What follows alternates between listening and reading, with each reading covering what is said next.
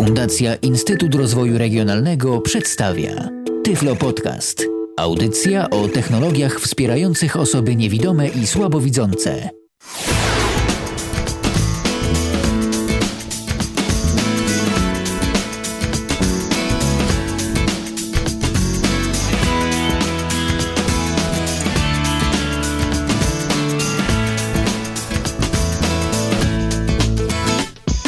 Na naszym zegarze minęła godzina 19. Tu Radio N. Jesteśmy z Wami jak zawsze na www.radio.nfm oraz www.radio.npl. Tam z nas znajdziecie, tam możecie nas słuchać 24 godziny na dobę przez 7 dni w tygodniu. A dziś mamy poniedziałek, mamy godzinę 19, a zatem po raz kolejny spotykamy się z audycją zatytułowaną Tyflo Podcast w Radiu N, czyli audycją, która jest rozszerzeniem tego, co znajduje się na naszych stronach internetowych pod adresem www.tyflopodcast.net. Piszemy www.tyflopodcast.net podcast.net. A Tyflo Podcast to zbiór audycji y, poświęconych osobom niewidomym i słabowidzącym, zbiór audycji, które y, traktują o tematach, które mogą być właśnie dla takich osób y, przede wszystkim istotne. Dziś będziemy rozmawiać o kolejnym, no niekoniecznie technologicznym temacie, bo dziś porozmawiamy sobie o aspektach prawnych związanych z osobami niewidomymi. No a mm, o takich ekspertach, o takich aspektach z ekspertów ekspertem tylko można porozmawiać, żeby nie wkradły nam się tu y, jakieś nieścisłości w ten temat. Witam po drugiej stronie Magdalenę Szyszkę. Witaj Magdo. Witam serdecznie. I dziś sobie właśnie o tych aspektach prawnych y, porozmawiamy, ale zanim to uczynimy, to mam do ciebie jeszcze jedną prośbę, żebyś posłużyła za naszą redakcyjną sierotkę, bo y, nasi słuchacze, y, którzy słuchali nas tydzień temu, to pamiętają zapewne, że był konkurs. Był konkurs, w którym do wygrania pełne wersje gry 1812 Serce Zimy, to znaczy pełne wersje wersję y, pierwszego aktu, rzecz jasna, bo na razie jeszcze kolejnych aktów y, nie ma, więc y, Teraz mam tu przed sobą taką listę uczestników, którzy zgłosili się do konkursu i którzy udzielili prawidłowej odpowiedzi na nasze pytanie konkursowe, czyli na pytanie, jaki napis znajdował się na szabli Korwina Giedyminowicza, właściwie na mm, szabli jego ojca, która to w spadku e, synowi została podarowana. W ogóle okazała się ciekawa sprawa a propos tego pytania, bo tak naprawdę trzeba było uznać dwie odpowiedzi, bo dwie róż, dwa różne sformułowania pojawiają się w trakcie tej gry. E, za wolność waszą i naszą i za wolność naszą i waszą. Więc jeżeli ktoś e, odpowiadał tak, to uznawałem, jeżeli ktoś odpowiadał inaczej, to również uznawałem i takich odpowiedzi nazbierało się 20. I teraz mam przed sobą tę listę, więc Mag do ciebie proszę o wskazanie pierwszego numeru. Komu przyznajemy nagrodę? Mm, numer 4. Numer 4. Numer 4. Numer 4 to jest Piotr M. Piotr M., do którego się odezwę po audycji, bo to właśnie Piotr e, dostaje pierwszy egzemplarz e, pełny gry 1812 Serce Zimy. No i jeszcze został do rozlosowania drugi numer. To może 15. 15. Już szukam piętnastki. Mikołaj H. dostaje również e, kolejną wersję pełną gry 1812 Serce Zimy. Ja po audycji oczywiście skontaktuję się ze szczęśliwymi zwycięzcami i ustalimy w jaki sposób będą mogli odebrać nagrodę. A teraz e, wracamy do naszego tematu głównego, właściwie dopiero go rozpoczynamy, czyli prawo istotne dla osób niewidomych, zagadnienia prawne istotne dla osób y, niewidomych. Y, ja już kilkukrotnie zetknąłem się z taką opinią i teraz y, myślę, że warto na dobry początek rozwiać, czy mit, czy, czy w ogóle opowiedzieć co nieco na ten temat, że jeżeli się nie widzi, to to prawo to tak troszeczkę inaczej działa. No, czy to rzeczywiście, Magdo, tak jest, czy niekoniecznie? Hmm, czy rzeczywiście tak jest? No, ja bym powiedziała tak. Prawo co do zasady jest jedno dla nas wszystkich, co nie zmienia faktu, że od czasu do czasu zdarzają się różne regulacje przeznaczone dla, znaczy często zdarzają się regulacje przeznaczone dla różnych grup osób, od czasu do czasu dla grup dosyć y, również wąskich. I oczywiście istnieją e, regulacje, które dotyczą wyłącznie osób niewidomych, czy niewidomych wraz z innymi jakimiś osobami niepełnosprawnymi. To są zwłaszcza, no, mamy chociażby naszą słynną ustawę o rehabilitacji zawodowej, y, społecznej, zatrudnianiu osób niepełnosprawnych i tam są różne przepisy dotyczące niepełnosprawnych. No, gdzieś tam osoby niewidome się również pojawiają mniej czy bardziej wprost. E, natomiast y, ja bym y, za bardzo nie jednak zwracała uwagi na jakieś bardzo szczególne regulacje, y, bo warto zauważyć, że tych szczególnych regulacji no, mamy ostatnimi czasy coraz mniej, przynajmniej w takich aspektach, jakie nas interesują. Mieliśmy e, przez bardzo wiele lat w kodeksie cywilnym artykuł 80, który nakazywał e, tam nie było mowy po prostu o osobach niewidomych, była mowa o osobach nie mogących czytać. Nakazywał takim osobom składanie oświadczeń woli w postaci aktów notarialnych, co bardzo nam utrudniało życie. Myślę, że wszyscy się ze mną zgodzą w tej kwestii.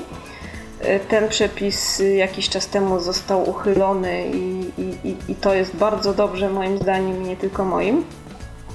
Nie zmienia to faktu, że od czasu do czasu ktoś jeszcze od nas żąda jakichś, no jeżeli nie, nie aktu notarialnego czy, czy notarialnego poświadczenia, podpisu, to zdarza się, że po prostu no, różne osoby nie wiedzą za bardzo, jak mają traktować ten nasz podpis, czy w ogóle mogą z nami podpisać jakąś umowę. Zaczęłam od tego, bo to jest kwestia, myślę, podstawowa kwestia naszego uczestnictwa w obrocie cywilnoprawnym.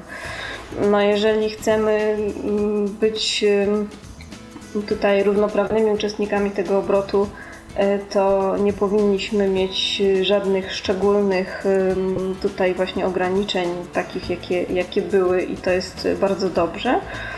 Natomiast z drugiej strony, no, musimy też, tak jak wszyscy uczestnicy tego obrotu cywilnoprawnego, podchodzić do sprawy odpowiedzialnie, bo w tym momencie, kiedy nie ma tego artykułu 80, e, kończy się właściwie możliwość mówienia takiego, że no, bo ja nie wiedziałam, co ja podpisuję, a w ogóle to powinno być zrobione w innej formie.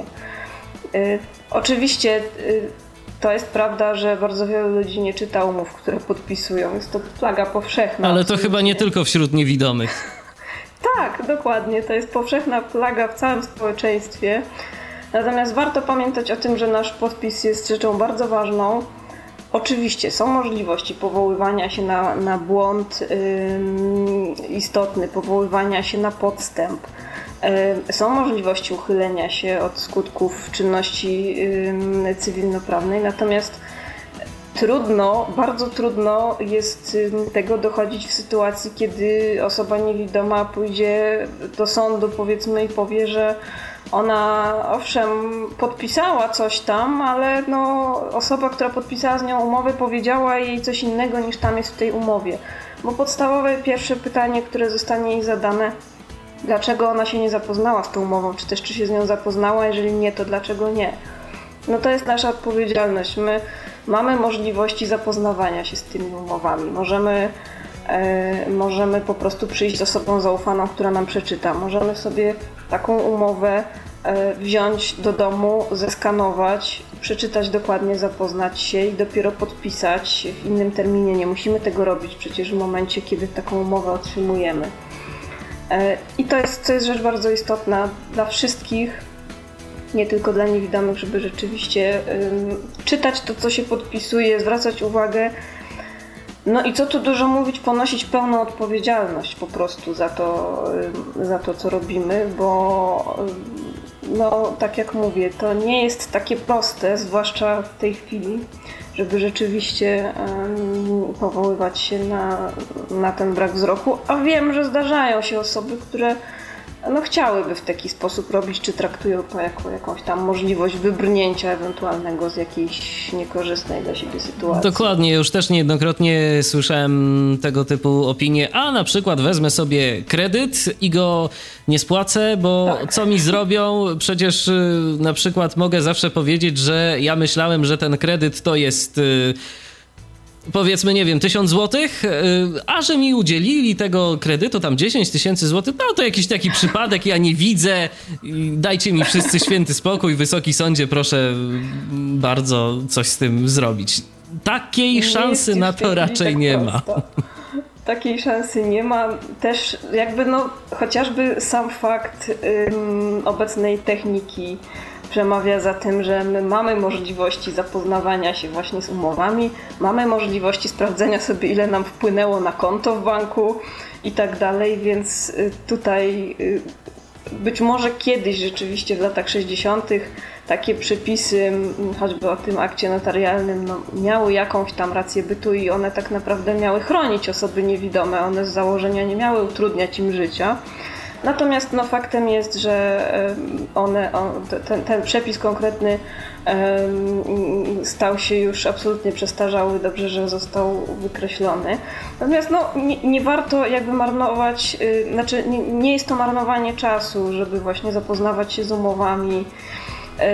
Ja, ja też myślę, że apelowałabym o taką pewną wyrozumiałość kiedy stykamy się z różnymi osobami czy instytucjami, które nie do końca wiedzą, co mają z nami zrobić, czy z tym naszym podpisem, czy w ogóle z nami jako takimi. Bo tak naprawdę to są bardzo często ludzie, którzy nie stykali się nigdy z osobami niewidomymi, którzy nie orientują się zupełnie w temacie. Oczywiście, jeżeli ktoś nam w sposób wyraźny odmówi czegoś, tylko dlatego, że my nie potrafimy się podpisać czytelnie czy, czy w jakiś sposób powtarzalny na pewno jest to problem i tutaj warto na pewno dochodzić y, swoich racji, natomiast e, nie uważam, że nie należy przesadzać w jakichś takich sytuacjach, kiedy no, na przykład ktoś się zastanawia, ktoś konsultuje się e, z, czy z przełożonymi. Poza tym, no, ja też sobie zdaję sprawę z tego, że osoby podpisujące z nami takie umowy E, mogą się mimo wszystko obawiać, że my gdzieś tam będziemy później twierdzili, że jednak nie znaliśmy treści tej umowy. Mogą dla własnego bezpieczeństwa chcieć na przykład, żebyśmy przyszli jednak z jakąś osobą, która nam to przeczyta, no albo żebyśmy sobie właśnie wzięli taką umowę do zeskanowania. Nie, nie, widzę powodu żadnego, żeby żądać od nas na przykład, żeby jakaś inna osoba jeszcze się pod tą umową podpisywała, jakaś nasza zaufana osoba. Takiej podstawy do takiego żądania absolutnie nie ma. Natomiast no każdy dba, e, dba o swoje bezpieczeństwo w tym obrocie cywilnoprawnym i tak jak my o nie dbamy i powinniśmy dbać, tak samo dbają o nie banki, nie wiem, sieci e, komórkowe i, i, i wiele innych firm czy instytucji, które jakieś tam umowy z nami zawierają. To prawda, ja powiem szczerze, że ja sam zetknąłem się kiedyś z taką sytuacją, że kiedy poszedłem do salonu jednego z operatorów e, sieci telefonii komórkowej, to pani, która tam podpisywała umowy z klientami, która była odpowiedzialna za obsługę tego salonu. No kiedy zobaczyła, że przyszła osoba niewidoma, to powiedziała, wie pan co, ale musi pan chwilę zaczekać. Ja muszę zadzwonić do centrali, do Warszawy, żeby w ogóle się dowiedzieć, czy, czy ja mogę z panem podpisać umowę. No i takie sytuacje się też zdarzają, bo po prostu no, dla części osób y, taka sytuacja, y, w której przychodzi ktoś niewidomy, czy z jakąś inną niepełnosprawnością, to jest sytuacja zupełnie nowa. One być może z taką sytuacją nie miały nigdy wcześniej do czynienia i być może także z taką sytuacją nigdy nie będą miały. Więc y, myślę, że nawet dla naszego własnego dobra y, warto po prostu poczekać. Jeżeli taka osoba będzie chciała gdzieś tam skonsultować się z przełożonym, no to my mamy taką świadomość, że my oczywiście możemy podpisać umowę, ale chyba nie jest tak y, za bardzo celowe, od razu nie wiadomo jak bardzo się o to wykłócać. Lepiej to wszystko załatwić na spokojnie. Tak właśnie uważam. Też nie ma potrzeby, żebyśmy zrażali gdzieś tam innych do siebie, żebyśmy no, no, szukali trochę problemów tam, gdzie ich za bardzo nie ma, bo, bo tak jak mówię, w momencie, kiedy rzeczywiście ktoś powie, że mamy iść do notariusza, podpisać tą umowę, albo co się jeszcze ciągle zdarza, że mamy sobie ustanowić pełnomocnika i inny sposób takiej umowy z nami nie podpisze, to oczywiście mm, takie jego postępowanie nie ma żadnej podstawy prawnej i, i, i wcale nie uważam, że należy tutaj na to jakoś tam wyrozumiale patrzeć. Natomiast Natomiast jeżeli to jest tylko kwestia tego, żeby rzeczywiście, że ktoś się tam zastanowi i, i, i dbałości choćby o swoje stanowisko pracy po prostu, tak żeby nie, nie mieć gdzieś tam jakichś problemów, skonsultuje się z przełożonym, no nic z tym złego nie ma żaden, nikt z nas myślę nie może być do końca pewny, jak sam by się zachował w, w sytuacji kontaktu z jakąś osobą e, z inną niepełnosprawnością, o której my z kolei możemy nie mieć żadnego pojęcia. No, nikt, nikt nie wie wszystkiego i to, to myślę jest istotne, żeby w taki sposób na to patrzeć.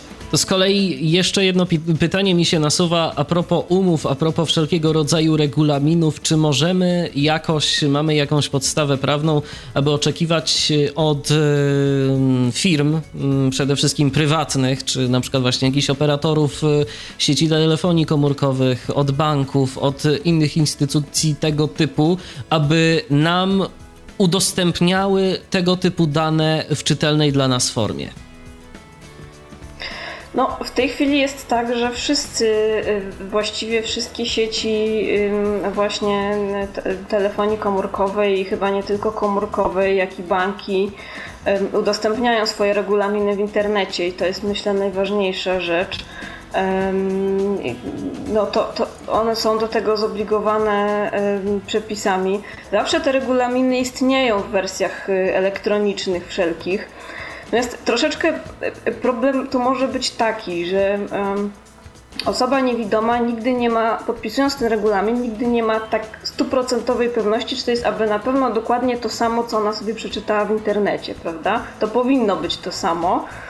Yy, natomiast no dla własnego bezpieczeństwa tak naprawdę dobrze byłoby sobie ten konkretny dokument, ten konkretny papierek zeskanować, czy też poprosić jakąś zaufaną osobę o przeczytanie i dopiero wtedy podpisać. Y, oczywiście nie powinno być tak, gdyby były rozbieżności takie no, możliwe do udowodnienia w wersji tej w internecie, ewentualnie i w wersji papierowej, to byłby również dla takiego podmiotu spory problem.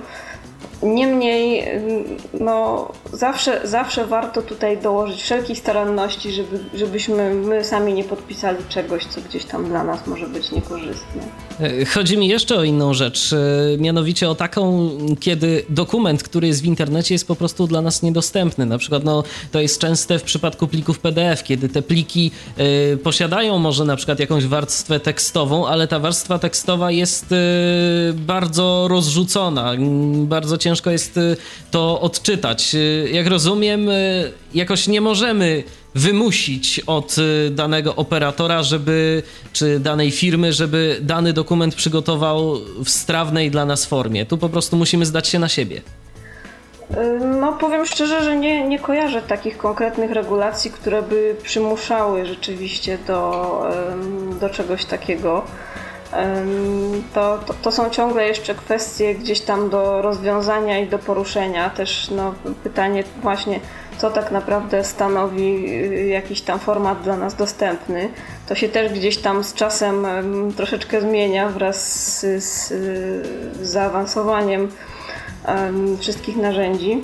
W związku z czym, no, tak jak mówię, mimo wszystko zawsze ten o, o, ile oczywiście nie zawieramy jakiejś takiej umowy e, w, w, ściśle elektronicznej, bo przecież tak naprawdę, no nie wiem, dokonując zakupów w sklepie internetowym również zawieramy umowę. I jeżeli tam jest taki problem z jakiegoś regulaminu czy czegoś, czego nie możemy przeczytać, e, no to mimo wszystko akceptując go, e, no gdzieś tam, gdzieś tam potwierdzamy, że znamy jego treść, w związku z czym e, albo warto się po prostu zwrócić z, z, z prośbą o, o udostępnienie takiego regulaminu, albo po prostu no nie wiem, zmienić sklep internetowy, bo tak naprawdę, czy, czy tak samo z bankami. Y, ja powiem szczerze, że sama patrząc po sobie, wiem, że jeżeli jakaś instytucja mi, czy, czy, czy jakaś firma mi coś utrudnia, a są możliwe inne no, podmioty, do których można pójść z tym samym, to najczęściej y, ja mówię, jak ja robię. Ja osobiście po prostu zmieniam bank, czy zmieniam, nie wiem, operatora sieci komórkowej, czy coś innego. Y, bo przyznam się szczerze, że ja sama, mimo że jestem prawnikiem, mimo że y, no, w sądach spędzam dużo czasu, ja sama osobiście nie przypadam za gdzieś tam chodzeniem do sądu w swoich sprawach. I myślę, że że to, tak naprawdę to jest najprościej. Jeżeli ktoś oczywiście y, ma taką, nie wiem, potrzebę, czy, czy ma jakieś takie przekonanie, że tutaj jednak dochodzenie swoich racji ma sens, to oczywiście nie ma, y, nie ma w tym nic złego.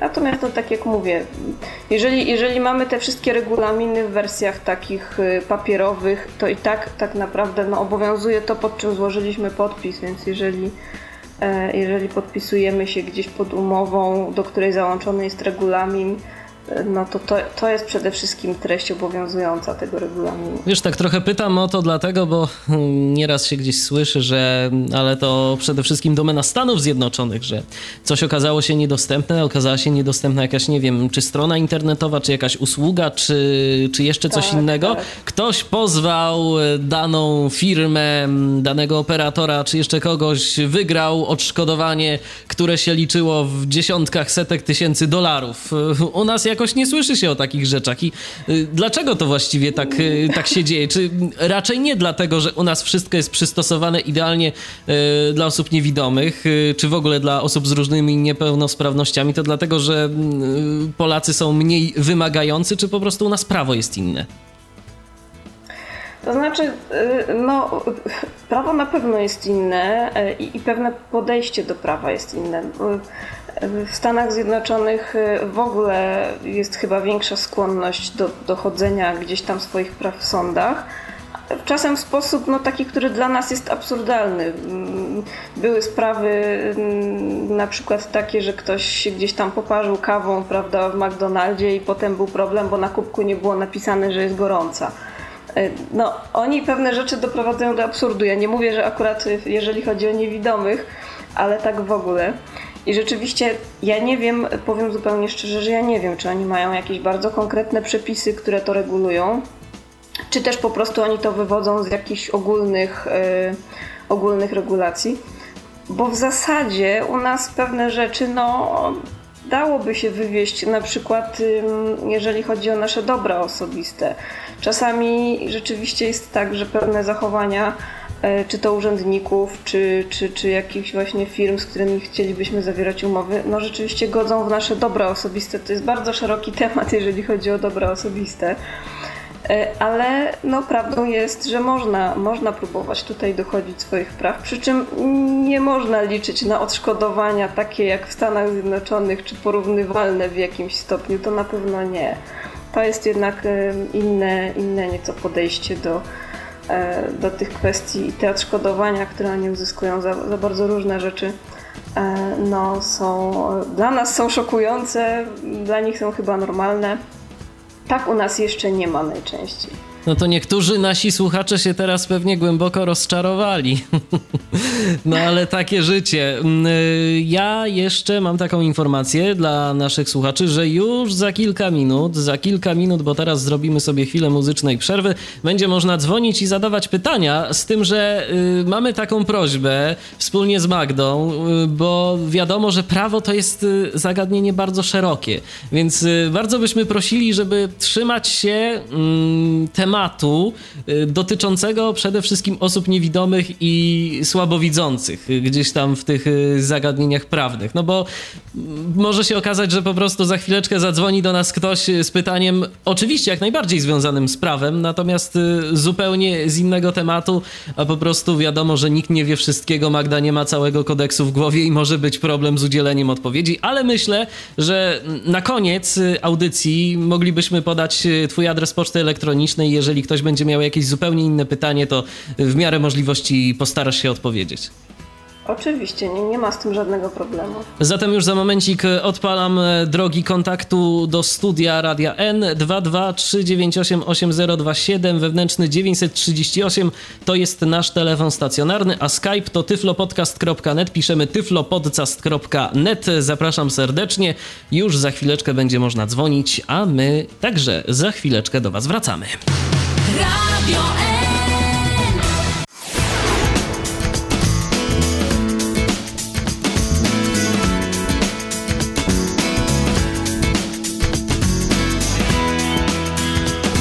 To jest cały czas audycja Tyflo Podcastu na antenie Radia N. Dziś rozmawiamy o zagadnieniach prawnych e, istotnych przede wszystkim dla osób niewidomych. Dziś rozmawiamy e, na ten temat z Magdaleną Szyszką. Pierwszy telefon mamy. Tomek do nas się dodzwonił. Witaj Tomku. Witam.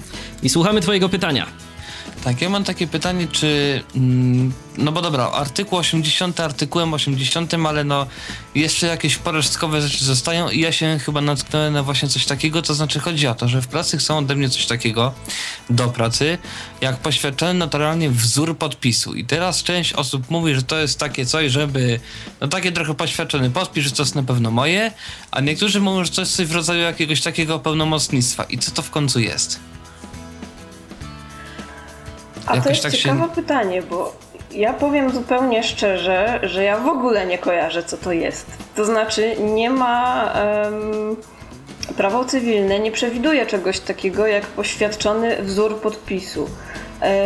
być może, być może chodzi po prostu o to, e, tak się domyślam, żeby to był podpis poświadczony przez notariusza, że to jest e, podpis danej osoby. Bo tak naprawdę nawet w czasie obowiązywania tego artykułu 80 bardzo często w taki sposób właśnie załatwiano sprawy tych oświadczeń woli składanych przez osoby niewidome. Ja sama coś takiego robiłam, że żeby nie składać tego oświadczenia woli w formie aktu notarialnego, tak jak to tam powinno być, po prostu robiło się to notarialne poświadczenie podpisu. I, i rzeczywiście to, no to to, to gdzieś tam tak naprawdę zabezpiecza w tym wypadku zapewne pracodawcę, który po prostu ma pewność, e, że mu notariusz potwierdzi, że ta umowa została podpisana przez daną osobę i e, że tutaj nie ma jakichś problemów po, po mhm. przeczytaniu to znaczy, tej umowy i tak bo dalej. Bo tu nie chodzi o to, że to jest podpis na umowie, tylko to jest taki podpis taki w ogóle niezależny jakby. Że najpierw mam pójść z tym podpisem do notariusza, tam go jakoś tam poświadczyć i potem im, znaczy oni mi prześlą umowę i ja razem z tą umową przesyłam im wzór podpisu swój, poświadczony notarialnie. Po, powiem zupełnie szczerze, że ja nigdy w życiu z czymś takim się nie spotkałam. Wiem, że zdaje się problem się pojawiał gdzieś tam na listach dyskusyjnych również i, i, i no, notariusze odmawiali w ogóle robienia czegoś takiego, bo oni czegoś takiego nie robią z tego co ja wiem. I nie ma, poza tym pracodawca nie ma żadnej podstawy prawnej do żądania czegoś takiego, absolutnie. Nie, ja nie widzę, nie widzę żadnej podstawy, żeby czegoś takiego żądać. Więc nasuwa się pytanie. w tej chwili jest absolutnie ważny, jest obowiązujący i no. Więc nasuwa się pytanie automatycznie, tak myślę, po co takiemu pracodawcy y, właśnie taka dana? Czy może taki podpis y, wykorzystać do czegoś, y, do czego na przykład Tomek by nie chciał, czy to po prostu no, no nie ma takiej możliwości? najbardziej zastanawiam. No właśnie powiem szczerze, że ja nie mam żadnego pomysłu na to, tak naprawdę do czego by to miało służyć. E, bo jeżeli to ma służyć tylko do tego, żeby sobie pracodawca porównał, dajmy na to, tak, wziął ten jakiś poświadczony e, wzór podpisu, porównał z podpisem wykonanym, e, czy to jest rzeczywiście to, tak naprawdę osoba niewidoma rzadko kiedy potrafi się podpisać tak powtarzalnie, żeby ten wzór podpisu no był w jakiś sposób obowiązujący. Więc no, nie ma to moim zdaniem żadnej racji bytu i żadnej, y, żadnych skutków prawnych taki wzór podpisu y, nie wywiera. No, wzory podpisu się oczywiście stosuje choćby, nie wiem, w bankach, kiedy gdzieś tam się podpisujemy i to jest y, obowiązujące, że mamy się w taki sposób podpisać, natomiast no też nie ma takich rzeczy, żeby gdzieś to poświadczał notariusz. Bo ja sobie kiedyś nawet wpisałem ten mm, w Google wzór podpisu poświadczenia notarialny, czy jakoś tak. I Google, owszem, wybrało mi takie wyniki, ale w odniesieniu do jakichś wielkich spółek, na zasadzie, że jakichś członków, założycieli, czy kogoś tam takiego wpisany do jakiegoś, nie będę czy krajowego rejestru sądowego, czy tam do czegoś tam takiego, tylko nigdzie nie mogą właśnie mhm. znaleźć tego wzoru podpisu w odniesieniu do takich zwykłych ludzi, którzy sobie tam znaczy bo, są, No właśnie, bo takiego czegoś, bo takiego czegoś się nie, nie praktykuje, a poza tym e, no jasne, powiedzmy, e, jeżeli dwie strony się zgadzają na coś tam, to można sobie praktykować różne rzeczy, o ile one nie są jakieś tam sprzeczne z przepisami, z zasadami współżycia społecznego i tak dalej. Natomiast żądanie takie nie ma absolutnie żadnej podstawy prawnej i żadnego no, żadnego uzasadnienia. I to też z kolei nie ma nic wspólnego z pełnomocnictwem tak naprawdę, bo bo, no bo pełnomocnictwa udziela się jakiejś tam konkretnej osobie, która mogłaby wtedy y, za nas podpisać jakiś tam dokument. Mm, Więc I jakby y, jedyną formą podpisania kogoś co, czegoś za mnie jest pełnomocnictwo? Yy, tak, jeżeli, jeżeli to miałoby być podpisane w, w, w Twoim imieniu, to jest pełnomocnictwo. Y, również nie można robić takich rzeczy, co y, też jest w naszym społeczeństwie nagminne, a wśród niewidomych zwłaszcza, pod tytułem a weź tu machnij za mnie podpis. To jest bardzo nie, wygodne, to jest, y, ja sobie z tego zdaję sprawę, natomiast tak naprawdę jest to karalne, jest to przestępstwo. To znaczy, no, tak naprawdę to ta osoba, która za nas podpisuje, popełnia przestępstwo. Oczywiście no, w takich sytuacjach, jak tam się wszyscy zgadzają i, i, i nie ma jakichś tam problemów, to, to, to nikt nie będzie robił afery. Nie no pewnie jakieś tam paczki pocztowe czy coś tam. Ale, ale, jest, ale faktem jest, że jest to zawsze pewne ryzyko, jest to karalne. Także bez pełnomocnictwa, a, a jeżeli, jeżeli się ma pełnomocnictwo, to wtedy taka osoba nie podpisuje się y, imieniem i nazwiskiem tej osoby niewidomej, tylko swoim w imieniu danej osoby. Ja tak samo wnoszę, dajmy na to, pisma procesowe w imieniu moich klientów, które ja podpisuję swoim nazwiskiem, dołączam pełnomocnictwo, no i piszę, że w imieniu tej, tej osoby wnoszę i tak dalej, więc to, to jest podpisanie przez inną osobę, ale ona się podpisuje zupełnie samodzielnie. Bo oni też tak trochę mętnie bo to też było tak, że to tam ktoś do mnie dzwonił, jakiś pracownik, gdzieś, ktoś, jakiś w ogóle gdzieś tam. I teraz ten pracownik twierdzi, że to jest coś, bo on nie wie, ale że to jest chyba coś związane z jakimiś umowami na odległość, z czymś tam.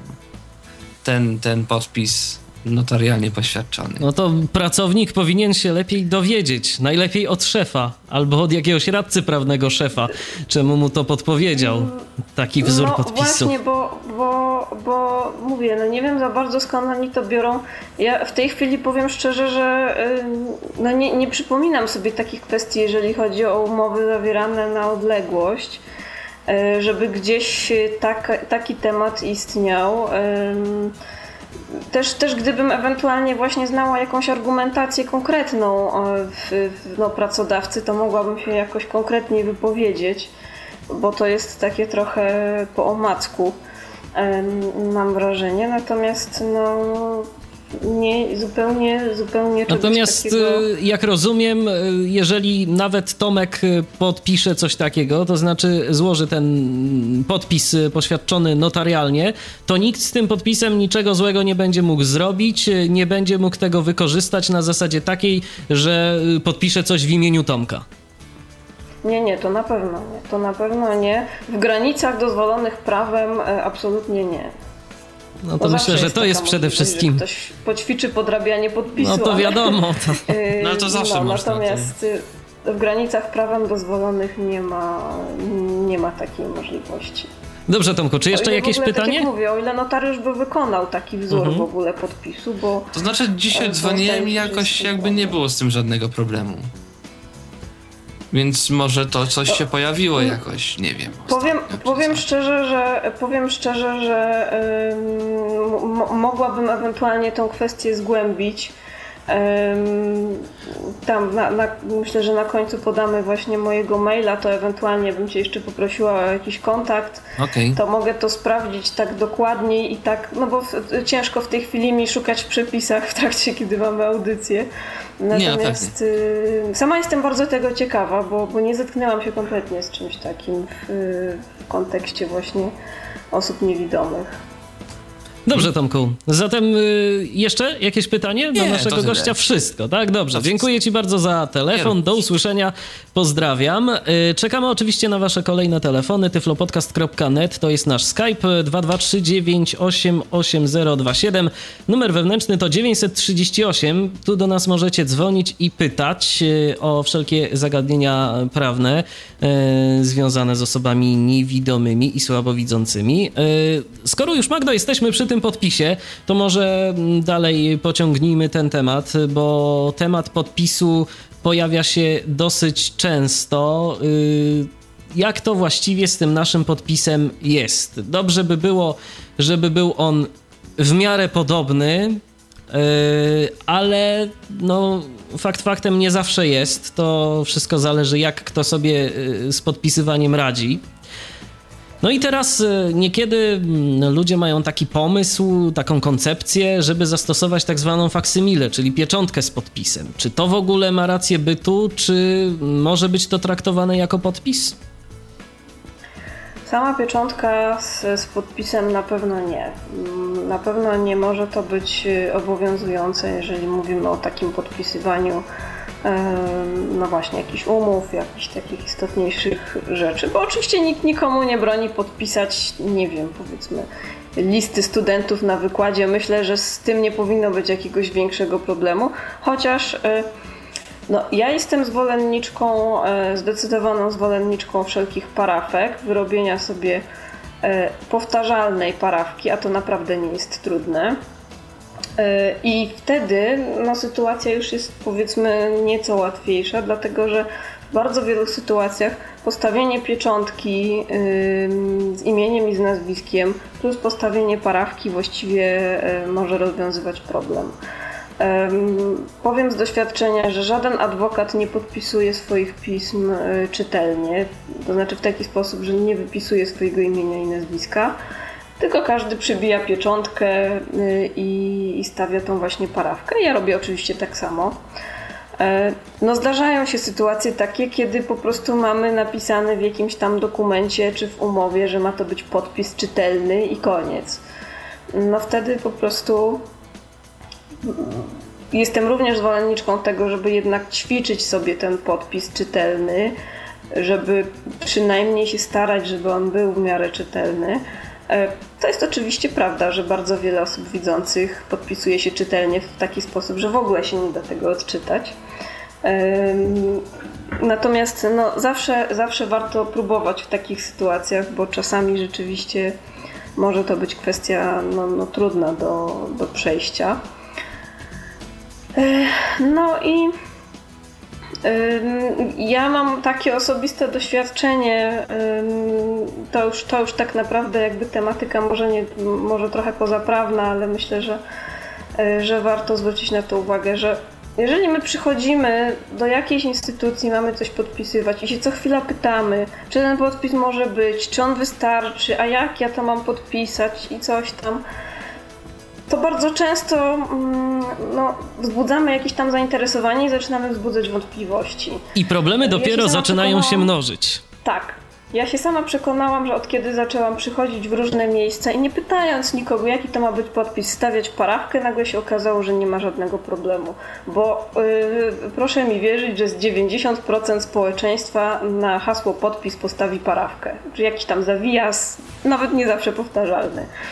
Yy, I o ile tam nie jest wyraźnie napisany podpis czytelny. W związku z czym um, zdarzało mi się już kiedyś tak, kiedy sama nie, nie czułam się pewnie ze swoim podpisem i też nie wiedziałam, jak to do końca rozwiązywać, że właśnie Jak już zapytałam, jaki to ma być podpis, to się nagle okazywało, że ma być czytelny, chociaż nigdzie nie jest napisane, że ma być czytelny.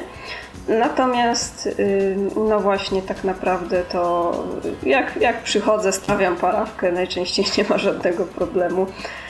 Bo my musimy też być troszeczkę pewni siebie, troszeczkę tacy, no tacy właśnie, żebyśmy nie, nie, nie prowokowali w jakiś sposób takich zachowań czy urzędników, czy jakichś tam innych osób.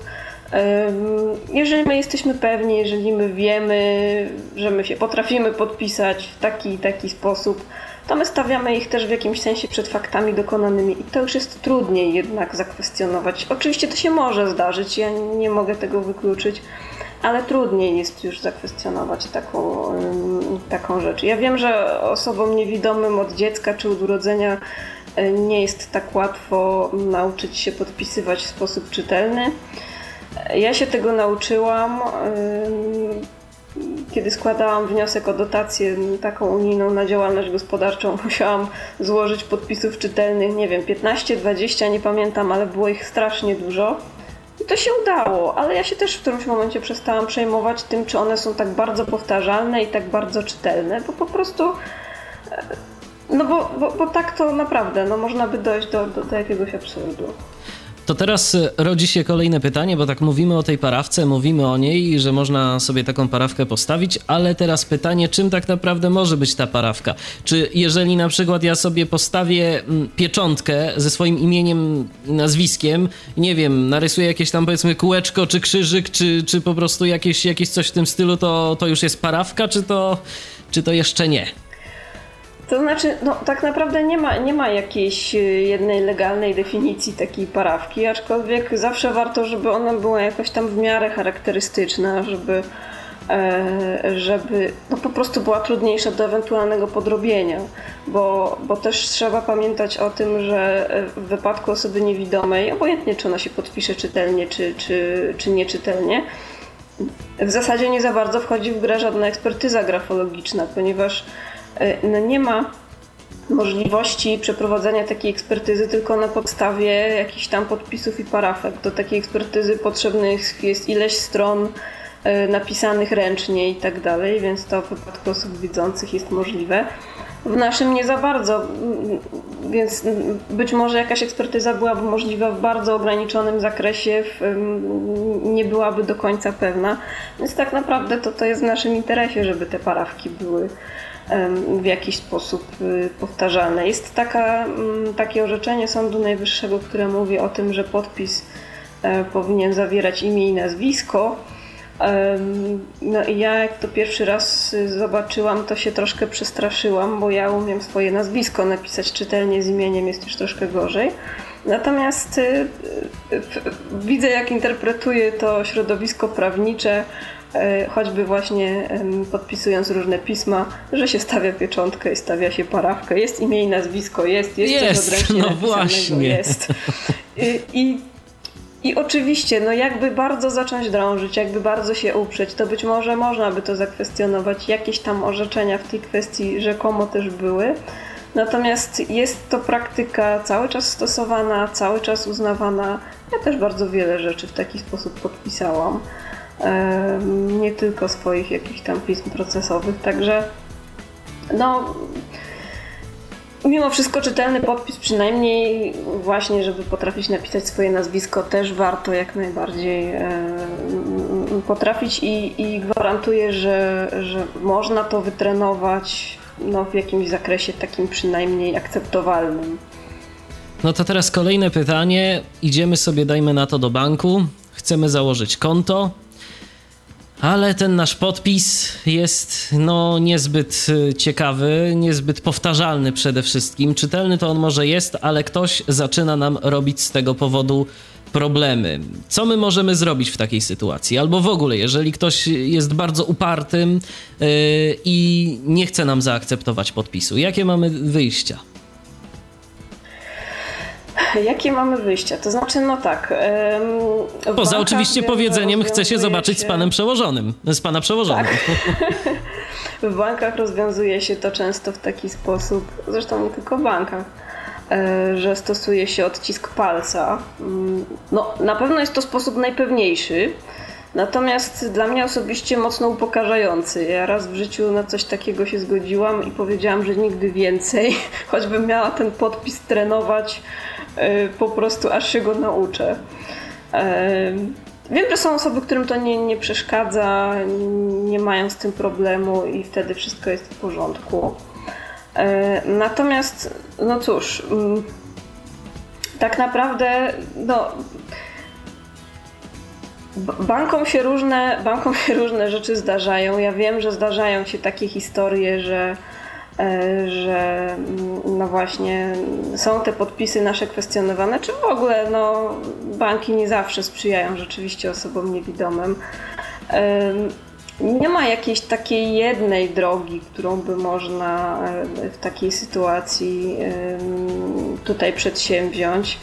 E, no, można oczywiście poza powiedzmy właśnie rozmową z przełożonym po prostu powiadomić czy to Komisję Nadzoru Bankowego o takich y, sytuacjach, czy zwrócić się mm, no już do takich y, instytucji, które są powołane do, do tego, żeby po prostu pilnować przestrzegania praw obywateli, jak chociażby do Rzecznika Praw Obywatelskich, czy do pełnomocnika rządu do spraw osób niepełnosprawnych. Natomiast tak szczerze mówiąc, to nigdy nie, nie ma e, mocy takiej, żeby zmusić bank do tego, żeby on gdzieś tam te podpisy uwzględnił. Natomiast no, jednak różnego rodzaju interwencje się udają, bo, e, bo no, tutaj, tutaj zawsze, zawsze byłaby e, możliwość ewentualnie wytoczenia po prostu takiego procesu sądowego.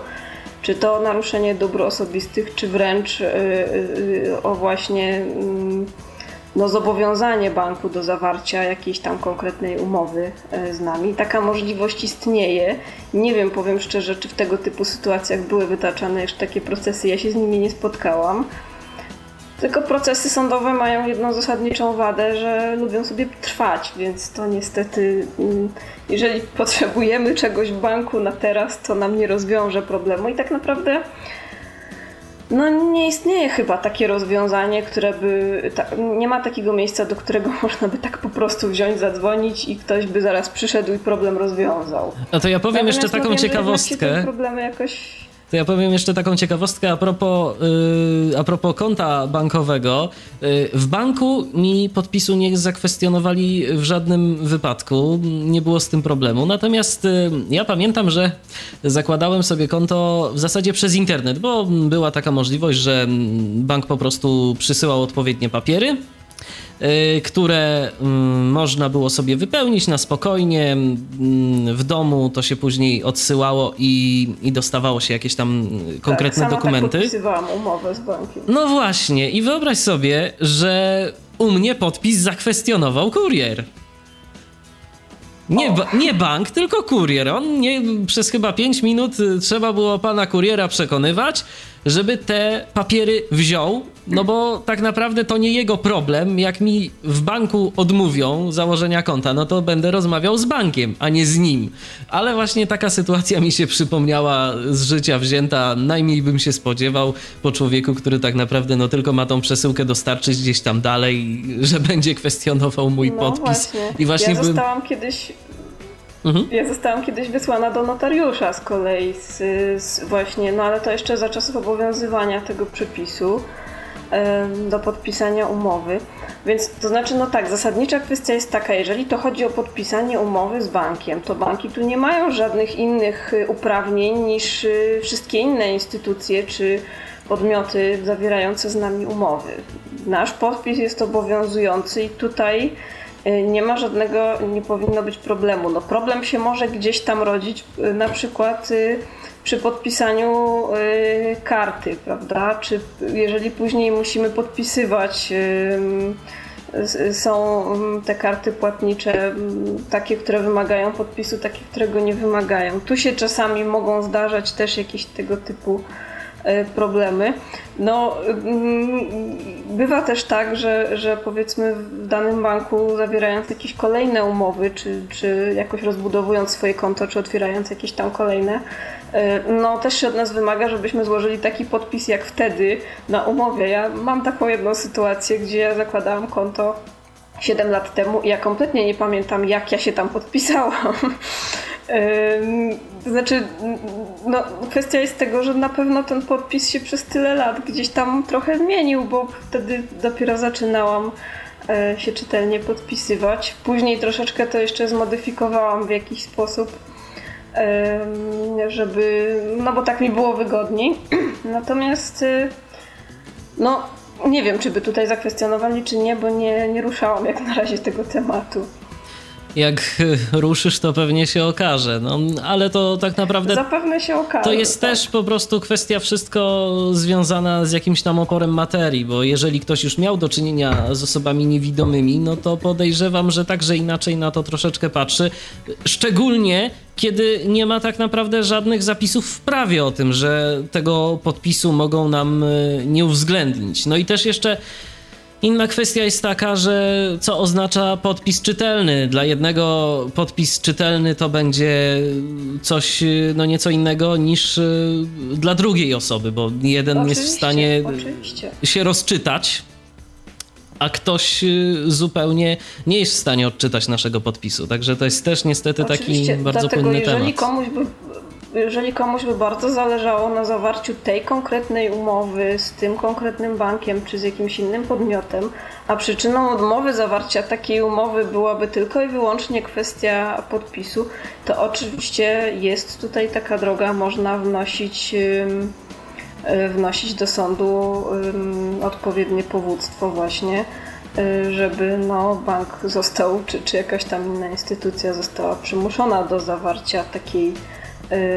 takiej umowy z nami, bo absolutnie tutaj oni nie mają prawa ani nas wysyłać do notariusza, ani od nas żądać pełnomocnika, ani też, no właśnie, kwestionować w jakiś sposób. Tym bardziej jeszcze, jeżeli podpisujemy, bo to oczywiście też zależy. No, jeżeli się podpisuje na odległość, to oni gdzieś tam czasami nabierają wątpliwości. Jeżeli podpisuje się w oddziale banku w obecności pracownika, no to to już w ogóle jest absurdalne, żeby, e, żeby coś tutaj kwestionować, bo ten pracownik doskonale widzi. To też najczęściej jest więcej niż jeden podpis. I, i, i on powinien widzieć, jak to wygląda, e, że, że to rzeczywiście zostało podpisane, że ta osoba po prostu no, niekoniecznie podpisuje to w sposób mm, tak bardzo powtarzalny, jakby się może chciało. Oczywiście można do nas dzwonić, ja przypominam 223988027, e, numer wewnętrzny 938. Jesteśmy także na Skype'ie, nasz login to tyflopodcast.net. Dziś rozmawiamy o zagadnieniach prawnych istotnych e, dla osób niewidomych. E, rozmawiamy wspólnie z Magdaleną Szyszką. No i tak niepostrzeżenie nam mija już praktycznie rzecz biorąc pierwsza godzina naszej dzisiejszej audycji. To teraz odrobina muzyki. Wracamy do Was już za moment.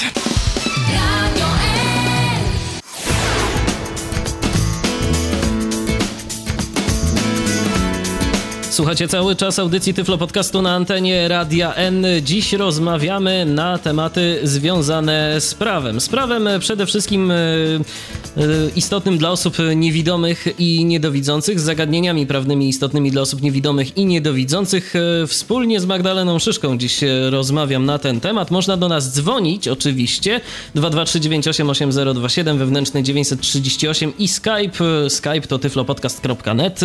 Ze Skype'a właśnie skorzystałem stał Paweł. Witaj, Pawle. Witam. Ja bym chciał odpowiedzieć e, tutaj taką e, historię, jaką miałem e, z jednym z banków. Nie będę wymieniał nazwy, żeby nie reklamować. Otóż postanowiłem sobie założyć samodzielne konto w banku i pani mi oświadczyła przez telefon, że mają specjalną procedurę dla osób niewidomych. Po skorzystaniu z tej procedury oczywiście to trwało z miesiąc, a kolega, który to zrobił za pomocą kuriera i również nie widzi, no to miał konto w przeciągu tygodnia. Niemniej jednak da się, da się to zrobić. Podpisem był mój odcisk palca, y, który złożyłem w obecności pracownika banku. Y, no i również pracownik odczytał mi umowę. A żeby było śmiesznie, to jest to bank internetowy i, i to wszystko się odbyło w oddziale jednego z banków tradycyjnych, także, także da się nawet, jak się okazuje, zawrzeć umowę, jeżeli się nie potrafi podpisać, bo ja mam ten, ten problem, no ale niestety nie wszystkie instytucje są tutaj chętne do, do składania y, podpisu za pomocą odcisku palca. I właśnie chciałem się dowiedzieć, co mówi prawo dokładnie na ten temat, czy jeżeli nie potrafię się podpisać, czy mogę się powołać y, na złożenie podpisu za pomocą odcisku palca.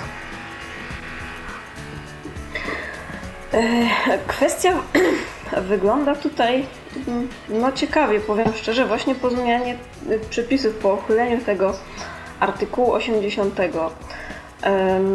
Dlatego, że artykuł 80 kodeksu cywilnego został uchylony, nie został uchylony artykuł 79 kodeksu cywilnego, który mówi właśnie o tego typu podpisie. Przy czym artykuł 79 mówi o osobie, która e, nie, nie może pisać, natomiast może czytać. I teraz powiem szczerze, to jest za krótki chyba czas, żeby można było, mm, żeby jakieś powstały takie wiążące interpretacje. Natomiast jeżeli zostały wykreślone szczególne regulacje dotyczące osób nie mogących czytać, no to myślę, że tutaj należałoby również e, w takim wypadku stosować ten przepis, bo ja się zresztą od bardzo dawna zastanawiałam nad tym, czy osoba niewidoma jest osobą nie mogącą czytać. No, no nie jest to tak, już no w tej bo... chwili nie jest, nie jest to już w tej chwili tak, Y, że nie mamy żadnej możliwości zapoznania się z, z daną umową, którą, którą podpisujemy, no bo właśnie, bo są te różne urządzenia skanujące i tak dalej. I w takim wypadku jest to rzeczywiście w taki sposób, że robi się na dokumencie tuszowy odcisk palca. Obok tego odcisku inna osoba wypisuje mm, właśnie imię i nazwisko mm, danej osoby i swój podpis tam y, umieszcza. Y, lub zamiast, y, tu jest jeszcze taka możliwość, że zamiast składającego oświadczenie podpisuje się inna osoba, a podpis tej innej osoby jest poświadczony przez notariusza, wójta, burmistrza i tak dalej, z zaznaczeniem, że został złożony na życzenie nie mogącego mm, pisać, lecz mogącego czytać. E, no myślę, że w, jakby w tej sytuacji należałoby to interpretować no właśnie w sposób y, rozszerzający, bo no nie ma, oczywiście nie ma takiej możliwości, no nie wiem, prawnej, żeby kogoś zmusić do tego, żeby e, się e, podpisywał. Zresztą oczywiście nie każdy również jest w stanie z przyczyn różnych rzeczywiście taki podpis wykonać. E, ja uważam, że tutaj absolutnie, no, skoro nie ma innych regulacji, to należałoby się rzeczywiście powoływać na ten przepis 79 kodeksu cywilnego, artykuł 79, który daje taką możliwość jak najbardziej. No bo właśnie wiele banków e, robi nam tego typu figle, że e, pozwala nam założyć sobie konto, jak najbardziej korzystać tutaj z usług i wszystko jest dobrze do momentu, kiedy trzeba właśnie podpisać się na jakiejś umowie. Moja dziewczyna na, na przykład się potrafi podpisać, ale przez to, że, że ten podpis jest różny, to właśnie banki jej odrzucają wszelkie dokumenty, twierdząc, że wzór podpisu się nie zgadza i tak naprawdę żadne tłumaczenia, że nie widzi, no jak gdyby tutaj nie, nie skutkują. Nie bardzo wiem, co można tutaj zrobić, że, no żeby jednak sobie ułatwić życie. A, co można zrobić? No, yy, tak jak mówię, można spróbować pójść yy, ewentualnie tą drogą właśnie tego, tego odcisku palca. Yy, można, no tak naprawdę to największe, najlepsze rezultaty daje zazwyczaj po prostu no pójście gdzieś wyżej, jeżeli chodzi właśnie o, o, o banki i, i zawiadamianie o istnieniu takich sytuacji bo ja wiem, że od, znaczy te, te, te, problemy one się pojawiają, ja to widzę na listach dyskusyjnych, regularnie się pojawiają. Gdzieś tam, jeżeli ktoś jest wystarczająco zdeterminowany, to ktoś y, interweniuje, no właśnie mm, wyżej, nazwijmy to tak umownie, i najczęściej gdzieś tam te problemy zostają rozwiązane. Ale takie rzeczy należy zgłaszać. Tak naprawdę chociażby, e, chociażby moim zdaniem Rzecznikowi Praw Obywatelskich również należy takie rzeczy zgłaszać. E, on oczywiście nie ma takiej mocy, tak jak ja mówiłam, nie ma takiej mocy, żeby no, zmusić bank do tego, żeby coś zrobił, natomiast może zastosować na przykład tak zwane wystąpienie, w którym y, może rzeczywiście no, się wypowiedzieć na temat tego, że jego zdaniem są tu łamane jakieś y, przepisy dotyczące właśnie praw człowieka i obywatela. A ja tak sobie myślę, że jeżeli będzie. następuje, jeżeli się ogranicza możliwość zawarcia umowy. Prawda? A ja tak sobie myślę, że jeżeli będzie więcej takich głosów, jeżeli więcej osób y, będzie zgłaszać y, problemy, o ile one wystąpią, to na pewno będzie to z lepszym skutkiem, bo w grupie siła w końcu. Jeżeli są dokładnie takie sytuacje, tak, to, to warto to zgłaszać. Tak. Poza tym Poza tym to ma jeszcze, jeszcze jedną jakby stronę taką, że być może e, jednak jakieś regulacje by się przydały, no na przykład w prawie bankowym, jeżeli to tam się pojawia zazwyczaj taki problem. Więc no, też warto informować o tym organy, które mają jakąś możliwość wpływania na ewentualne e, właśnie ustawy. No i taką osobą na pewno jest Rzecznik Praw Obywatelskich, który, który ma prawo do występowania do, do organów, które mają inicjatywę ustawodawczą, ewentualne właśnie um, zmiany w ustawach. Bo być może no, rzeczywiście jest to kwestia, którą należałoby uregulować. Ja powiem szczerze, że ja, ja sama się jakoś z takimi problemami osobiście zupełnie z bankami nie stykam i też nie do końca no, no ze skali problemu zdaję sobie sprawę o tyle, ile czytam listy dyskusyjne, gdzie te problemy gdzieś tam się pojawiają. Mnie to jakoś szczęśliwie do tej pory omija, znaczy no raz miałam jakieś tam historie, mm, w związku z czym no nie miałam okazji przerobienia tego też na, na sobie tak już czysto empirycznie. A jeszcze mam pytanie, które tak naprawdę pojawiło się na liście niedawno temu. Otóż chodzi o ten tak zwany ePUAP, czyli możliwość załatwiania różnych e, e, rzeczy związanych z administracją e, przez internet. Tam jest właśnie wymagany jednym, jednym właśnie z warunków jest założenie profilu zaufanego, czyli tak naprawdę złożenie swojego tak. podpisu. I co tutaj tutaj też pewnie problem jest nierozwiązany, czyli mogłoby się okazać, jeżeli się zarejestruję i pójdę do urzędu i zażyczę sobie odcisku palca, no to mogłoby się okazać, że będzie miała pani mały problem w urzędzie. To znaczy, ja bym powiedziała tak. Y, ja bym powiedziała, że to jest jej problem. Y, dlatego, że jeżeli przychodzi, tym bardziej w urzędzie, jeżeli przychodzi y, obywatel i chce no, załatwić coś, do czego ma prawo, to jej świętym obowiązkiem jest to zrobić w taki sposób, e, żeby, żeby tego dokonać. Więc tutaj e, również jak najbardziej, jeżeli nie ma innej możliwości, to moim zdaniem tego odcisku palca należy się domagać absolutnie.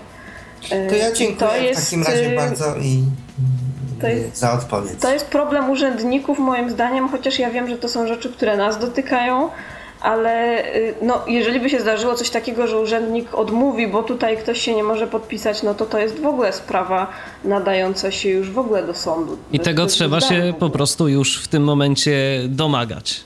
Rozumiem. Dziękuję ślicznie. Dziękujemy Pawle również. do usłyszenia. Y, pozdrawiamy. Teraz takie pytanie. E, Kamil napisał e, takie pytanie, ono jest e, dosyć długie, ale sprowadza się w zasadzie do jednej kwestii. Chodzi o dwa meldunki. Mm, i konkretnie rzeczy związane no na przykład z programem Student, gdzie trzeba podać dochody, ale właśnie Kamil ma dwa meldunki, meldunek tymczasowy, no i stały. I teraz chodzi o to, dochody, mm, czy ma podać tylko i wyłącznie swoje dochody, czyli z tego meldunku tymczasowego, bo tam sobie mieszka, czy dochody związane z osobami, z którymi prowadzi to gospodarstwo w tym meldunku stałym? To, to, jest, to jest ciekawy problem, bo w zasadzie liczy się mm, no nie tyle meldunek jako taki, co liczy się po prostu gospodarstwo domowe, w związku z czym na ile dana osoba w tym gospodarstwie faktycznie funkcjonuje takim wspólnym, a na ile funkcjonuje samodzielnie, bo jeżeli e, jest, jest to w praktyce tak, że no dajmy na to ten meldunek gdzieś tam sobie został stały, natomiast tak naprawdę dana osoba prowadzi zupełnie samodzielne życie i samodzielne gospodarstwo, to tutaj moim zdaniem nie powinno być rozliczania wspólnego. Ale to trochę zależy. Ja powiem zupełnie szczerze, że, że najlepiej się dowiedzieć u źródła, to znaczy najlepiej się dowiedzieć po prostu tam, gdzie tego żądają, czyli zapewne w Pefronie, o to, co, co oni tak naprawdę mają na myśli, jakby w tym kontekście, bo to też mogą być dwie różne rzeczy, które gdzieś tam mnie jako prawnikowi mogą się wydawać, a które oni. Moje doświadczenia z tym, jak, jak Pefron interpretuje przepisy prawne, no są też różne. W związku z czym ja nie chciałabym tutaj wyrażać autorytatywnego jakiegoś poglądu na temat tego, jak to faktycznie jak to faktycznie jest, bo, bo to naprawdę może być różnie. Ja bym to rozumiała w taki sposób, jeżeli się prowadzi samodzielne gospodarstwo, to nie powinno się liczyć tej rodziny, z którą się gdzieś tam to gospodarstwo kiedyś prowadziło, ale tak jak mówię, no nie, nie chcia... głowy bym za to nie dała, czy Pefron to tak samo interpretuje. A najlepiej, żeby mieć już rzeczywiście święty spokój, to załatwić sobie stały meldunek i wtedy nie będzie najlepiej, problemu żadnego. No to najlepiej, zdecydowanie. Teraz kolejne zagadnienie, które mm, myślę, że będzie istotne i mm, które być może no niewiele osób zdaje sobie sprawę, że może kiedyś być im potrzebne, ale myślę, że warto poruszyć również taką kwestię, e, jak to wygląda, kiedy no, zdarzy nam się trafić do sądu, bądź to jako świadek e, w jakiejś rozprawie, bądź no nie daj Bóg jako oskarżony, bo to też tak czasem może być. No, prawo wszystkich wszystkich równo traktuje, więc y, również trzeba sobie zdawać z tego sprawę, ale także może powiedzmy, czy wygląda to w przypadku mm, osób niewidomych jakoś specjalnie, czy na przykład mamy prawo do chociażby wglądu w akta naszej sprawy, że możemy sobie usiąść z kimś i mm, tego typu informacje sobie przejrzeć. No właśnie, sprawa mm, Sprawa osób niewidomych w, w, postępowaniach sądowych myślę, że są, nie są za często poruszane i, i, i nie są powszechnie omawiane. Generalnie nasza sytuacja jako osoby niewidomej w postępowaniach sądowych jest, y, no można powiedzieć, y, co do zasady taka sama jak sytuacja każdej innej osoby. Nie ma zbyt wielu jakichś szczególnych regulacji dotyczących osób niewidomych. Jeżeli jesteśmy mm, osobą oskarżoną lub osobą, jeżeli chodzi o. Znaczy, jeżeli, jeżeli jesteśmy osobą oskarżoną w postępowaniu karnym albo też y, obwinioną w postępowaniu wykroczeniowym, y, wówczas jest taka szczególna regulacja, która mówi o tym, że taka osoba musi mieć obrońcę. W związku z tym, jeżeli y, taka osoba nie ustanowi sobie obrońcy z wyboru, chociażby z powodu sytuacji materialnej na przykład, to dostanie takiego obrońcę z urzędu i taki obrońca musi być, y, musi być obecny na wszystkich sprawach. To jest istotne właśnie chociażby z punktu, mm, jeżeli chodzi o dostęp do akt, bo, bo tutaj też się pojawią, pojawiają pewne utrudnienia, o których za chwilę będę mówić. Także o tym warto, warto wiedzieć, że gdyby sąd osoby niewidomej takiego obrońcy nie wyznaczył, to bardzo poważnie narusza tutaj jego prawa i to może mieć poważne konsekwencje. Nie ma to już znaczenia, jeżeli zdarzy się, że obrońca też będzie niewidomy. Gdyby ktoś tak przypadkiem do mnie trafił, to, to może się tak zdarzyć, ale to już, to już trudno. W postępowaniu cywilnym nie ma takich regulacji, które mówią wprost o tym, że osoba niewidoma musi być reprezentowana. Natomiast tam są takie regulacje ogólniejsze, mówiące o tym po prostu, jakby dotykające kwestii, czy dana osoba jest w stanie sama sobie prowadzić daną sprawę. No i bo generalnie w postępowaniu, mm, w postępowaniu cywilnym nie ma obowiązku ustanawiania pełnomocnika. Natomiast y, no, kwestia się pojawia, jeżeli wniesiemy ustanowienie pełnomocnika z urzędu, ponieważ z wyboru możemy mieć zawsze, nie ma z tym żadnego problemu. Y, jeżeli wniesiemy ustanowienie pełnomocnika z urzędu, to po pierwsze y, musimy przedłożyć takie oświadczenie o stanie rodzinnym, majątku, dochodach i źródłach utrzymania. To jest oświadczenie, które można sobie ściągnąć z internetu, trzeba je wypełnić i dołączyć do takiego wniosku. Mm, I tutaj no, istotną rzeczą jest sytuacja materialna i to, że dana osoba nie jest w stanie ponieść po prostu kosztów takiego pełnomocnika. A drugą rzeczą jest właśnie to, czy dana osoba jest w stanie sobie sama poradzić w danej sprawie. W wypadku osoby niewidomej e, no jest tu bardzo duże prawdopodobieństwo, że sąd uzna, że ona rzeczywiście potrzebuje pomocy takiego pełnomocnika. E, I jeżeli sytuacja materialna jest rzeczywiście jakaś no, niełatwa, to takiego pełnomocnika może mm, rzeczywiście przydzielić. Jeżeli chodzi o dostęp do akt, to jest rzecz, z którą ja sama zetknęłam się dopiero jako adwokat, tak naprawdę, e, ponieważ ja bardzo często muszę chodzić do sądów, czytać akta moich klientów. No i co się okazało? Okazało się, że w wielu sądach e, co do zasady nie ma z tym problemu, jeżeli osoba niewidoma przyjdzie sobie z osobą jakąś towarzyszącą i przy jej pomocy przeczyta akta. Zdarza się jednak tak, że pojawia się problem, ponieważ tak naprawdę co do zasady dostęp do akt ma strona. Czyli w postępowaniu, dajmy na to cywilnym, stronami są powód i pozwany, czy też uczestnicy postępowania w postępowaniu nieprocesowym. W postępowaniu karnym, no niewątpliwie właśnie oskarżony jest taką stroną. Tam są jeszcze, jeszcze inne, również osoby, które ewentualnie mogą być stronami. I strona ma oczywiście dostęp do akt, natomiast mm, co do zasady nie mają go żadne inne osoby postronne. Przynajmniej bez takiej szczególnej zgody wyrażonej na to. E, no i tutaj się mogą zacząć schody, ponieważ może się zdarzyć tak, że osoba niewidoma będąca stroną postępowania przyjdzie sobie do sądu z jakimś tam przewodnikiem czy asystentem gotowym do przeczytania tych akt, a w sądzie powiedzą, że no mm, tutaj albo w ogóle nie można, albo na przykład trzeba napisać wniosek o specjalną zgodę na dostęp właśnie przy pomocy tej osoby.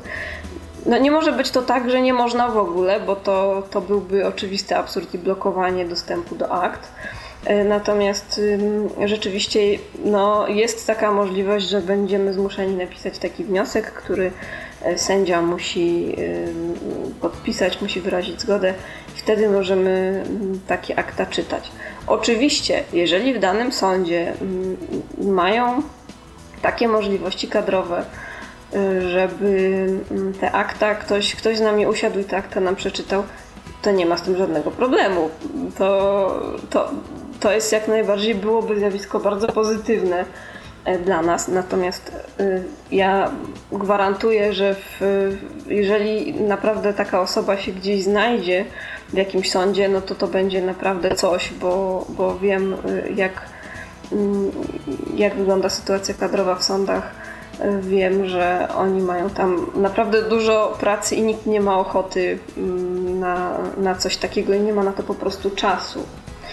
E, drugą rzeczą jest to, że teoretycznie taka osoba niewidoma mogłaby sobie przyjść z jakimś urządzeniem do czytania.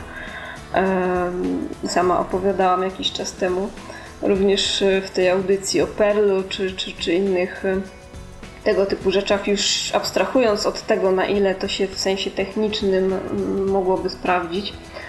No i to... również nie każdy ma takie urządzenie, to jest jednak e, niestety nadal rzadkość. Dokładnie, natomiast jeżeli już byśmy chcieli z czymś takim przyjść, to niestety również możemy napotkać na kolejną barierę, ponieważ yy, wtedy trzeba by uzyskać yy, zgodę na wykonanie fotokopii tych akt, bo tak no tak najczęściej sądy, chyba nie wszystkie, ale tak najczęściej sądy mm, sobie obowiązujące przepisy interpretują, że na wykonanie fotokopii trzeba mieć zgodę. No i taką zgodę również trzeba napisać, prawda? Sędzia to musi podpisać. Może to zrobi w ciągu pięciu minut, a może, może nie. No też zależy od pory, w jakiej przyjdziemy do sądu tak naprawdę. Więc myślę, że, jest, że są to pewne luki tutaj w obowiązującym prawie, które rzeczywiście nie przewidują już nie tyle osób niewidomych, bo to nie mówię, że to miało być konkretnie. Właśnie do, dotyczyć niewidomych, natomiast y, no, osób, które nie są w stanie czytać samodzielnie, prawda?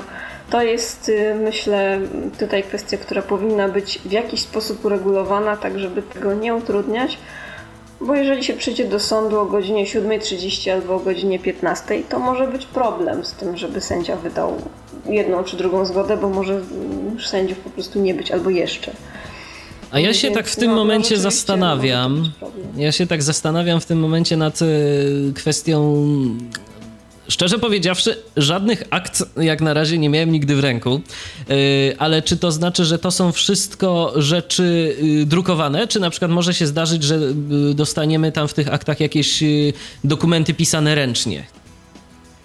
Może się niestety zdarzyć i tak. Może się zdarzyć, dlatego że znaczy, co do zasady, yy, najczęściej są to dokumenty drukowane, protokoły, wszelkie wezwania sądu i tak dalej. Natomiast nie ma żadnego zakazu, na przykład, żeby sobie strona wniosła pismo, pisząc je ręcznie.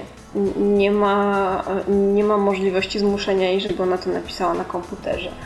Zdarzają się również jeszcze czasami jakieś protokoły policyjne na przykład w sprawach karnych również pisane ręcznie. No zdarzają się różnego innego rodzaju dokumenty, które właśnie są, są również ręcznie, czy to ręcznie pisane, czy ręcznie wypełniane, bo to jeszcze się zdarzają gdzieś tam formularze takie wypełniane ręcznie. No i wtedy to już rzeczywiście żadne urządzenie nam za bardzo w tym nie pomoże, chyba że po prostu wykona przyzwoite zdjęcie takie, że ktoś nam ewentualnie potem to cyfruje z tego zdjęcia bo mój sposób na czytanie akt, jeżeli jest tego więcej, jest właśnie taki, że idę z osobą um, asystującą, która wykonuje zdjęcia normalnym aparatem fotograficznym. Ja sobie to na spokojnie później mogę rozpoznać i przeczytać.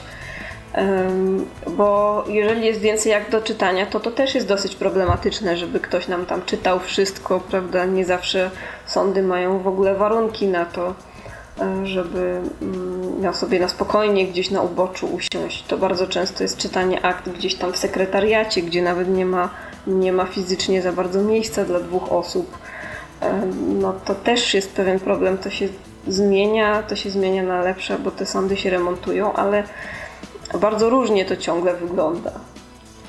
Tyflopodcast.net to jest nasz login na Skype'ie 223988027 wewnętrzny 938 to jest telefon. O, wywołałem wilka z lasu, a konkretnie Tomka, bo, bo jeszcze raz Tomek do nas dzwoni. Jeszcze jakieś pytanie Tomku? Słuchamy. Takie podejrzewam, że teoretyczne pytanie, chociaż ja wiem.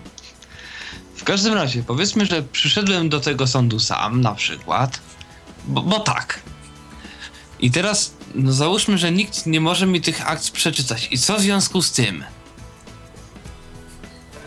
No bo, no, no bo nie może. I czy teraz to na znaczy... przykład nie może być coś czego, jakiegoś takiego patentu, że ileś osób sobie przychodzi niewidomych do sądu i mówi nie można, bo ja nie przeczytałem, a nie możecie mnie przeczytać. I żeby no, od, i odroczyć jest... jakąś rozprawę na przykład, tak? Jak rozumiem. bo on nie ma nikogo, bo nikt nie może, ja nie mam nikogo, bo nie mam, no bo, no bo nie mam po prostu. Y, na pewno, jeżeli doszłoby do rozprawy, jest, jest to argument jak najbardziej, że osoba nie mogła się z aktami zapoznać i wtedy podejrzewam, że sąd by ją pouczył o tym, że y, może właśnie złożyć wniosek o ustanowienie pełnomocnika z urzędu, E, który by takie akta, w wypadku sprawy cywilnej, e, który by takie akta no, przeczytał i tam zreferował. Natomiast myślę, że e, no, jakby rzeczywiście była taka sytuacja, że, że dana osoba jest sama i nie może sobie tego przeczytać, to myślę również, że należałoby tutaj jednak e, naciskać na to, żeby ktoś faktycznie no, w tym e, z pracowników sądu w tym pomógł. Można się w tym celu udać do przewodniczącego wydziału czy do jakiegoś innego sędziego. No na dobrą sprawę można i do prezesa sądu, e, bo, bo, bo problem polega na tym po prostu, że sytuacje te są na tyle rzadkie, że sądy nie są na to przygotowane. Tak nie, nie tylko technicznie, ale tak po prostu. Ale też no, chyba i mentalnie. Są kampanie w sekretariacie, które mogą być zaskoczone taką, takim czymś. Natomiast. No i na przykład jeżeli... jestem ciekaw, Aha, co by jeszcze, było... jeszcze. Tak? No, to, no właśnie ciekawe, co by było. Powiedzmy, że jest jakiś sąd gdzieś tam w ogóle na jakimś szarym końcu, gdzie nikt nic w ogóle nie wie, w ogóle nie wiedzą o co chodzi, w ogóle pierwsze, o, niewidomy, w ogóle, o, co to jest? No i nikt w ogóle nie może, bo tam w ogóle nie ma pracowników, no nikt nie może przezroczyć akt, nie ma po prostu, a ktoś jest sam i tak dalej. I ciekawe, czy wtedy można, no nie wiem, właśnie tak coś w tym rodzaju, że coś odłożyć, coś tego, na zasadzie jakby, czy coś jest takiego, że z powodu tego, że ktoś nie mógł się zapoznać z aktami, to, to coś tam. No raczej na uniewinnienie, e, Tomku, jeżeli do tego no zmierzasz, to chyba nie ma co liczyć, nie, ale... Ja właśnie tak się zastanawiam, no bo jeżeli... Jeżeli tu była mowa o tym, że generalnie tu nie ma, mm, nie ma pracowników, nie ma czasu, to podejrzewam, że kiedyś tam prędzej czy później taka sytuacja mogłaby ewentualnie zaistnieć. Nie mówię, że oczywiście w moim przypadku, bo jakoś się staram mimo wszystko nie wchodzić w konflikty z prawem. Niemniej jednak, no tak, tak po prostu. Y, no, oczywiście. To znaczy, ja bym w ogóle miała taką propozycję, y, jakby już y, rzeczywiście się znaleźć w takiej sytuacji, to proponowałabym proponowałabym poprosić, czy też zażądać wręcz sporządzenia takiego zapisku urzędowego, w sekretariacie, że stawiła się ta i ta osoba, zażądała akt do czytania, ale oświadczyła, prawda, że, że nie jest w stanie się z nimi zapoznać i nikt w sekretariacie nie jest również w stanie tego zrobić. To, to tylko po to, żeby został ślad w aktach, że taka mhm. historia w ogóle była. Bo ja raz o mało się nie znalazłam w takiej sytuacji, kiedy kiedy właśnie wydział się zastanawiał jeszcze, dany wydział Czyli nie ma jakichś takich regulacji, tym, jak zorganizować mi ten dostęp. Czyli nie, nie ma jakichś regulacji, które regulują jakieś takie, nie to ma, to jakiś znaczy, taki precedens podejrzewam było też w tym Oczywiście, gdyby, gdyby, gdyby się później stawić na rozprawie w takiej, w takiej sytuacji i gdyby powiedzieć, że no ja, przykro mi, ale ja nie znam akt, bo ja tu chciałam je przeczytać i nie było takiej możliwości, to oczywiście moim zdaniem jest to jak najbardziej podstawa do tego, żeby sprawę odroczyć. Jest to podstawa do tego, żeby sąd pouczył stronę o możliwości ustanowienia pełnomocnika, czy właśnie wnoszenia pełnomocnika z urzędu w sprawie cywilnej, bo w sprawie karnej to jest, mówię, o tyle mniejszy problem, że tam osoba niewidoma musi mieć obrońcę, więc y, dostanie go. Y, natomiast y, no i jeżeli taka osoba tego pełnomocnika nie zażąda, dajmy na to, i dalej będzie się powoływała na to, że ona nie może przeczytać akt i tak dalej, no to już sąd raczej za dobrze na to nie spojrzy, bo to już będzie no tak. ewidentne, prawda, że nie korzysta. Jakaś próba opóźnienia. Moment, bo ja tu mam y, domofon. Dobrze, Tomku, ale to mam nadzieję, że już tak czy tak y, y, od, wyczerpująco odpowiedzieliśmy na Twoje pytanie, także dziękuję za telefon póki co. A teraz myślę, Magdo, że przejdźmy może do mm, kolejnego tematu, który jest dosyć istotny, tak mi się wydaje. I często chyba troszeczkę nadużywany przez y, osoby niewidome, czyli tak zwany dozwolony użytek. Temat bardzo częsty, który, tak, który wraca, ale też myślę, że warto o tym powiedzieć. Mowa oczywiście o dozwolonym użytku w ustawie o prawach autorskich i mm, prawach pokrewnych. No i tak, co właściwie osoba niewidoma, y, jak, jak ten dozwolony użytek ma się do osób niewidomych, a konkretnie no, co mogą dzięki temu dozwolonemu użytkowi zyskać? No, przede wszystkim y, trzeba by powiedzieć o tym, że jakby mamy tutaj dwa rodzaje regulacji. Taką regulację ogólną dotyczącą dozwolonego użytku y, osobistego i ona dotyczy wszystkich osób i mamy drugą regulację, która dotyczy konkretnie osób niepełnosprawnych. Ta ogólniejsza regulacja mówi o możliwości korzystania, nieodpłatnego korzystania z utworów w zakresie y, właśnie własnego użytku osobistego. Tu od razu bardzo ważna uwaga, że to nie dotyczy programów komputerowych. Absolutnie y, ta, te regulacje nie dotyczą programów komputerowych. I mm, to jest artykuł 23 ustawy o prawie y, autorskim i prawach pokrewnych. E, I tutaj właściwie ten zakres własnego y, użytku osobistego jest definiowany w taki sposób, że jest to korzystanie z pojedynczych egzemplarzy utworów przez krąg osób pozostających w związku osobistym, w szczególności pokrewieństwa, powinowactwa lub stosunku towarzyskiego. Więc przekładając to na e, język z polskiego na nasz, e, jeżeli mamy e, no powiedzmy płytę, którą się gdzieś tam dzielimy ze znajomymi, czy sobie ją pożyczamy, czy sobie tam, czy, czy jakąś muzykę, mm, nie ma z tym problemu, jeżeli to są naprawdę tacy znajomi, z którymi utrzymujemy E, regularne kontakty, czy właśnie czy w rodzinie sobie coś tam, e, coś tam czy pożyczamy, czy kopiujemy, bo można również, nie ma z tym problemu. Natomiast e, nie można pod żadnym pozorem interpretować tego rozszerzająco, a ja się niestety z rozszerzającymi interpretacjami spotkałam również w naszym środowisku. Dlatego, że to, to zwłaszcza dotyczy wszelkiego rodzaju grup dyskusyjnych, list dyskusyjnych i tego typu miejsc, gdzie się.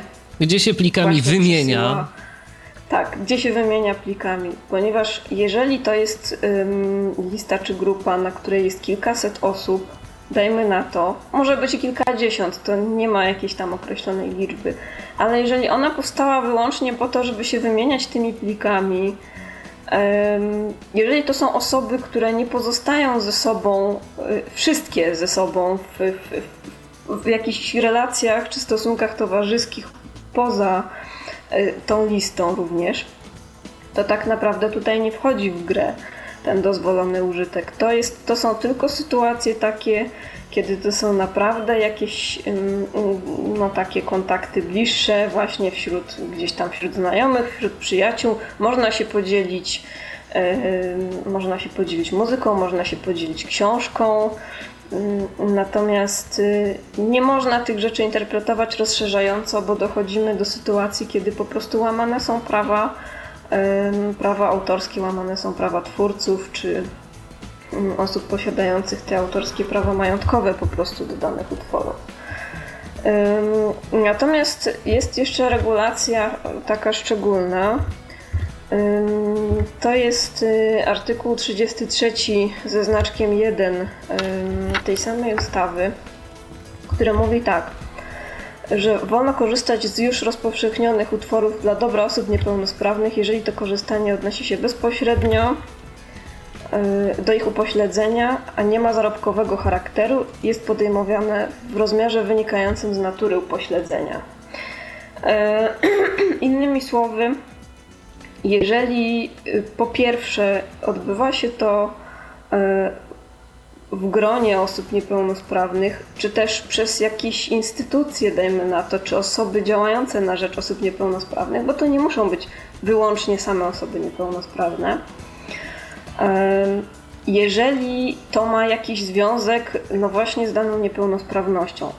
E, bo jeżeli mm, mamy, dajmy na to, no myślę, że, że przykład, który mnie samo najbardziej interesuje, ale pewnie, pewnie więcej osób, y, mówię o książkach. Jeżeli mamy książkę, którą sobie zeskanujemy, to nie ma żadnego problemu, żeby ją sobie rozpowszechnić y, wśród właśnie osób niewidomych. Zresztą Dokładnie to samo robi Biblioteka Centralna Polskiego Związku Niewidomych. Każdy, kto tam należy i korzysta z tej wypożyczalni on, online, musiał swojego czasu podpisać takie oświadczenie właśnie na podstawie tego artykułu prawa autorskiego, że nie będzie tego nigdzie dalej rozpowszechniał i tak dalej. No tutaj jest o tyle dobra sytuacja, że to są osoby zweryfikowane, orzeczenia o niepełnosprawności są zweryfikowane. I tutaj to wszystko ma e, uzasadnienie. To też nie oznacza, że to musi być e, właśnie jakaś weryfikacja orzeczeń, jeżeli to jest jakaś grupa znajomych, co do których mamy pewność, że to są osoby niewidome, nie ma przeszkody żadnej, żeby się podzielić książką. Natomiast jeżeli już zaczniemy te książki rozsyłać gdzieś tam osobom w pełni Na masową skalę. To już niestety tak, na masową skalę albo umieszczać na jakichś ogólnodostępnych serwerach, takich, gdzie każdy sobie może tam trafić i to pobrać, to niestety już tutaj zdecydowanie łamiemy prawo autorskie. Poza tym, y, no, to musi mieć właśnie związek z, z niepełnosprawnością, mówiąc już tak troszeczkę w uproszczeniu. Więc y, rozpowszechnianie w taki sposób, że dzielenie się, dajmy na to, książkami y, ma jak najbardziej sens i jest związane z niepełnosprawnością, bo my niewątpliwie no, mamy y, inny sposób zupełnie czytania i albo potrzebujemy wersji elektronicznych, albo audiobooków. No już tutaj o brajlowskich nie będę mówić, bo to wiadomo. Mm, natomiast no, to nie dotyczy jakichś innych rzeczy. No jeżeli my się zaczniemy, y, nie wiem, wymieniać muzyką z tego y, tytułu, że jesteśmy niewidomi, to ja tu podstawy nie widzę żadnej. Do tego, że no, niewidomi owszem, muzyki może i mo, można by być może twierdzić, że słuchają częściej czy więcej niż osoby widzące, ale to jest argumentacja taka no, nie wydaje mi się, żeby była słuszna. No kiedyś jeszcze można było, się, można było się ewentualnie jakoś posiłkować takim stwierdzeniem, że osoba niewidoma no, ma niekiedy problem z tym, żeby gdzieś pójść do jakiegoś sklepu, gdzieś się wybrać, no tak. poprzeglądać, kupić. No teraz mamy internet, mamy różnego rodzaju serwisy, mamy w których internet. można muzykę kupować. Problemu. No można się, wiesz, wtedy można się, yy, wtedy można w końcu też powiedzieć, że na przykład no, w banku nam nie chcieli Y, konta założyć przez ten nieszczęsny podpis. Tak. I jest tak, tu problem. Z czym nie można było skorzystać ze sklepu internetowego. No, dokładnie, dokładnie. Jest to jakaś, jest to jakaś, jest to jakaś argumentacja. Na szczęście, jeżeli chodzi o ten przepis, jest to tak, że w zasadzie nie ma do niego żadnego orzecznictwa. Mówię na szczęście, ponieważ brak orzecznictwa oznacza, że po prostu nie było e, najprawdopodobniej żadnych sporów sądowych w tym temacie. E, ja również o takich sporach nigdzie nigdy nie słyszałam. Nie ma orzeczeń Sądu Najwyższego, nie ma orzeczeń sądów apelacyjnych, przynajmniej w moim systemie informacji prawnej, więc zakładam, że ich nie ma albo są to kwestie naprawdę tak incydentalne, że, że się nie pojawiły. No i to jest dobry znak, bo to jest znak, że rzeczywiście nikt tutaj przynajmniej na razie nie ma z tym problemu. Nie ma problemów interpretacyjnych, nie ma problemów takich, żeby rzeczywiście gdzieś ktoś próbował dochodzić jakichś odszkodowań, czy w jakiś inny sposób ścigać osoby niewidome za to, że się no właśnie chociażby książkami dzielą, bo odbywa się to absolutnie w ramach dozwolonego użytku, no jeżeli to robimy właśnie tak zgodnie z, z tym przepisem. A to jeszcze tak e, przy okazji tego, e, o czym teraz rozmawiamy, przyszło mi do głowy jeszcze jedno pytanie dotyczące książek elektronicznych. Mamy coraz więcej e, księgarni, w których znajdują się te książki, no i niestety część z nich jest w różnego rodzaju na różnego rodzaju sposoby zabezpieczona przed kopiowaniem, Niestety. przed jakąś ingerencją w te książki. Tym samym niestety również udostępnienie tych treści osobom niewidomym jest problematyczne, ale wiadomo, jak ktoś chce, to sobie znajdzie jakiś jeden programik, drugi, dziesiąty. Ostatnio widziałem, jak y, przeglądając sobie internet, znalazłem artykuł, jak chyba, nie wiem, w 15 krokach obejść zabezpieczenie DRM Tyle aż kroków to Aha, wymagało. Też to, też to widziałam. No tak. właśnie, właśnie. I teraz pytanie, no co w takiej sytuacji? Bo rozumiem, no jeżeli ktoś y, jest osobą w pełni sprawną, mm, jest osobą widzącą, no to mm, pobudki, dla jakich chce zdejmować te zabezpieczenia, to mogą być różne. Ale ja, jako osoba niewidoma, no ja chcę uzyskać dostęp do treści, którą zakupiłem. I pytanie, czy ja to mogę zrobić w zgodzie z prawem. To, to jest temat, powiem szczerze, stosunkowo świeży, bo te rzeczywiście te książki elektroniczne na szerszą skalę się pojawiły u nas, przynajmniej w Polsce, stosunkowo niedawno. No, z jednej strony tak, z jednej strony łamanie zabezpieczeń no, nie jest za bardzo legalne. Z drugiej strony mamy, myślę przynajmniej na razie, mamy w Polsce o tyle dobrą sytuację, że jakoś tak e, ja te instrukcje dotyczące zdejmowania zabezpieczenia DRM widziałam na przykład na stronach księgarni internetowych również, które sprzedają takie książki. E, I to mnie najbardziej zaskoczyło, bo, bo ten, ten format ewidentnie on nie, to nie jest tak, że on nie pasuje tylko nam. On nie pasuje bardzo wielu osobom. Ja będę tak nawiasem mówiąc pisała na ten temat artykuł do Tyflo Świata, e, gdzie właśnie no więcej osób tego typu rzeczy robi tego typu rzeczy robi, może właśnie te zabezpieczenia zdejmuje. I tak, no jeżeli mamy książkę legalnie, absolutnie zakupioną i sobie zdejmujemy z niej zabezpieczenie na własny użytek, żeby mieć dostęp do tej książki, to ja osobiście nie widzę tutaj żadnej podstawy, żeby żeby no, miało to być jakimś łamaniem prawa. Gorzej, y, jeżeli to będzie książka, którą gdzieś tam zaczniemy puszczać w obieg, prawda, dalej, pomijając powiedzmy osoby niewidome, bo no, drugą rzeczą jest to, że, że do tego po prostu jeszcze trzeba dojść, prawda? Jeżeli ona zostanie odpowiednio przerobiona. Nie wiem, jak to wygląda, czy jest taka możliwość ewentualnie ustalenia rzeczywiście skąd ona pochodziła, jak została przerobiona, czy nie. Więc myślę, że dopóki to się będzie obracało w zakresie tego dozwolonego użytku, e, czy to osobistego, czy, czy na rzecz osób niepełnosprawnych, to tutaj problemu być nie powinno. Problem się może pojawić rzeczywiście, jeżeli to gdzieś dalej wypłynie, no bo wtedy może, może się pojawić temat pod tytułem łamanie, y, łamanie zabezpieczeń, bo te zabezpieczenia służą również temu, y, żeby tych książek właśnie, no przede wszystkim temu, żeby ich nie rozpowszechniać. Y, w związku z tym, no tutaj to myślę, że już byłoby to podobnie nielegalne jak, jak wszelkiego rodzaju kraki do programów komputerowych i tego typu historie. Bo podkreślmy jeszcze raz to, że Mm, korzystają z jakichś aplikacji osoby niewidome, to nie znaczy, że mogą no, używać wersji mm, nielegalnych. To akurat to, to tak nie działa. Dozwolony użytek nie obejmuje tej kwestii. No bo nic dziwnego, w końcu wszelcy twórcy oprogramowania specjalistycznego poszliby z torbami, gdyby można było tak y, robić. I tak naprawdę mielibyśmy na rynku tylko NVDA. Tak sobie myślę. Albo ewentualnie tak, udźwiękowionego bo... Linuxa. Dokładnie tak, bo, bo zwróćmy uwagę na to, że powiedzmy rynek wydawniczy jest na tyle duży, że ten nasz użytek tych książek, którymi my się tam gdzieś między sobą wymieniamy, co jest oczywiste, bo, bo nawet trudno byłoby oczekiwać, żeby 10 osób skanowało tą samą książkę, chcąc ją przeczytać to, to jest jakaś tam kropla w morzu tego wszystkiego. To tutaj ci wydawcy no, nie ponoszą z tego tytułu jakichś na tyle istotnych strat, żeby faktycznie um, był z tym jakiś problem. No a jeżeli mówimy o programach, które są specjalnie dla nas produkowane i my mielibyśmy mieć taki, taką możliwość rozpowszechniania ich sobie to kto by to kupił? problemu, czy jeszcze łamania zabezpieczeń, to nikt by tego nie kupował, w związku z czym naprawdę no, nie byłoby tych programów, one nie byłyby rozwijane i w ostateczności to my znowu bylibyśmy poszkodowani.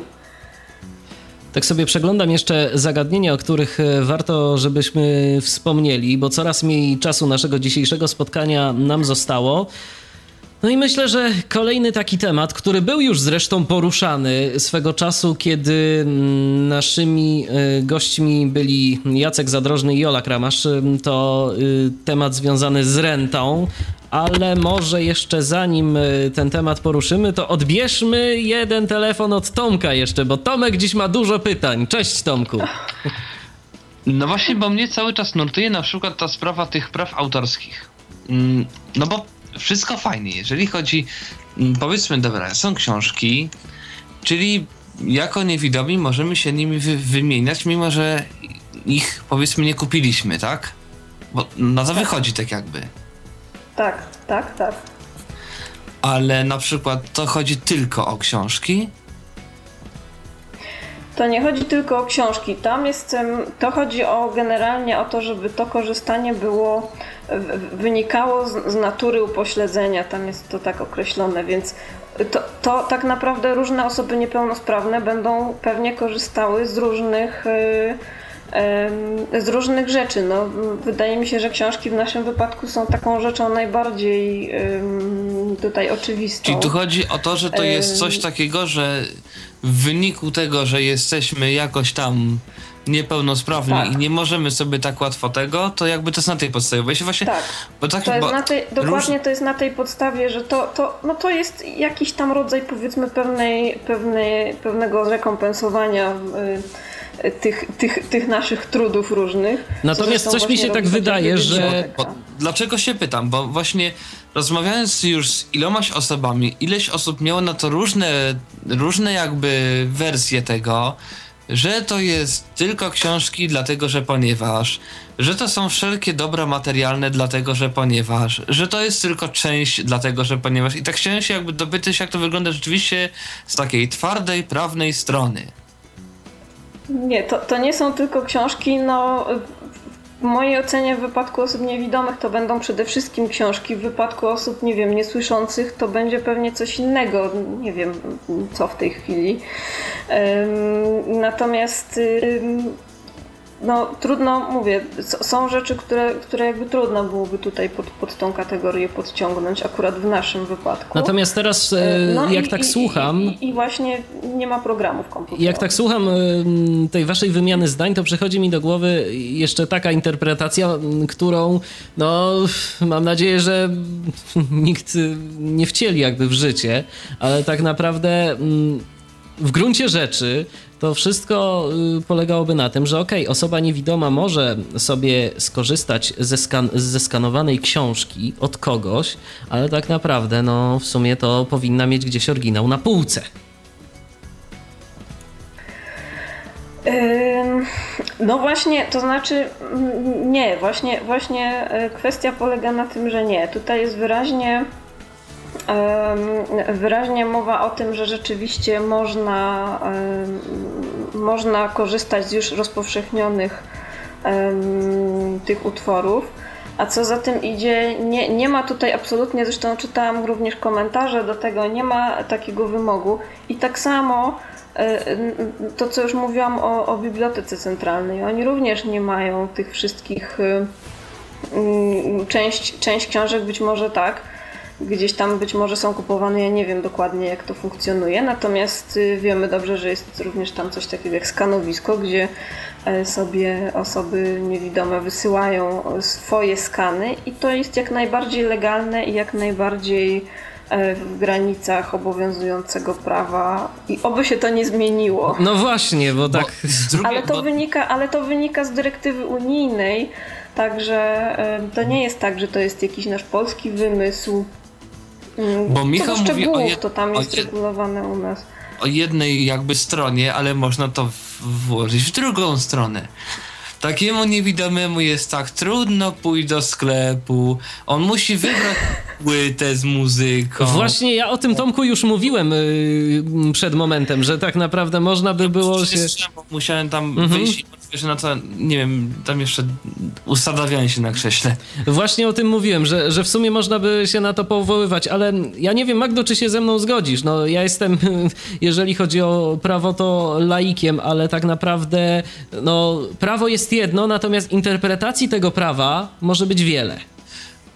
Może być wiele. I no, ja, ja, dobro... mówię, ja, uważam to za dobry znak, że jeszcze nie ma za wielu interpretacji tych przepisów i oby ich było jak najmniej, bo jeżeli nie ma interpretacji, to znaczy, że problem się nie pojawia, nie, nie wypływa. Bo na dobrą sprawę można by i te programy ściągnąć. Ostatecznie kogo stać na program o szczytu ekranu z 2,5 e, Nie, programów, programów, pro, programów nie można, dlatego że to jest ustawowo wyłączone po prostu. Aha, po prostu. To jest wprost wyłączone. Znaczy, to nie jest w tym przepisie, ale to jest w innych przepisach, jest, jest to wyłączone zupełnie z tej kategorii, także tak dobrze to nie ma.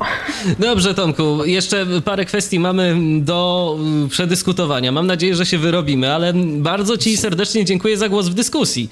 No, widzę, że, że tu się kolega bardzo zaangażował w audycję i bardzo dobrze, bardzo, bardzo dobrze. Byłem ciekaw kilku, kilku takich kwestii, w których nie bardzo mogłem znaleźć gdzieś odpowiedź, bo każdy mówił inaczej, więc fajnie by było sobie czasami mieć jakieś takie podstawy, że tak jest dobrze i tego się trzymać. No to ty również się trzymaj, pozdrawiamy i do usłyszenia. Do usłyszenia. To wróćmy jeszcze na moment do tego zagadnienia związanego z rentą. Od y, przyszłego roku do renty socjalnej będzie można sobie no więcej dorobić. Y, ta pułapka świadczeniowa została przesunięta, ale mm, jeszcze powiedzmy może chociaż tak króciutko zasygnalizujmy y, temat, który no, przez część osób niewidomych również jest poruszany jako taki, mm, który skutecznie zniechęca je do podejmowania pracy, no bo tą rentę to trzeba będzie zawiesić, a potem może mi jej znowu nie przyznają i tak dalej, i tak dalej. Jak to z tym jest, powiedzmy, rasa dobrze? Rzeczywiście w tej chwili od, od przyszłego roku te przepisy się zmienią i będą dla nas no, troszeczkę lepsze, troszeczkę łaskawsze. Absolutnie nie jest to tak, że ktoś nam tą rentę jakoś definitywnie zabierze. Jeżeli przekraczamy mm, ten próg y, y, przychodów, który no już stanowi o konieczności zawieszenia renty socjalnej, od przyszłego roku będzie to 70% przeciętnego miesięcznego wynagrodzenia. To przeciętne miesięczne wynagrodzenie ono jest ogłaszane na stronach Głównego Urzędu Statystycznego prezes GUS-u takie obwieszczenia e, czy też komunikaty e, tam umieszcza. To jest co kwartał ogłaszane. I jeżeli, jeżeli osiągniemy rzeczywiście ten próg, to już będą całkiem niezłe dochody właściwie, to no, Owszem, musimy zawiesić rentę socjalną, ale tylko za jeden miesiąc, za dany miesiąc, w którym rzeczywiście ten próg e, przekraczamy. Jeżeli zgłosimy, że tylko w tym miesiącu przekraczamy, bo na przykład mamy jakieś tam szczególne, e, szczególne dochody w danym miesiącu, a w kolejnym już tego nie będzie, to w następnym ta renta zostanie nam wypłacona bez żadnego problemu.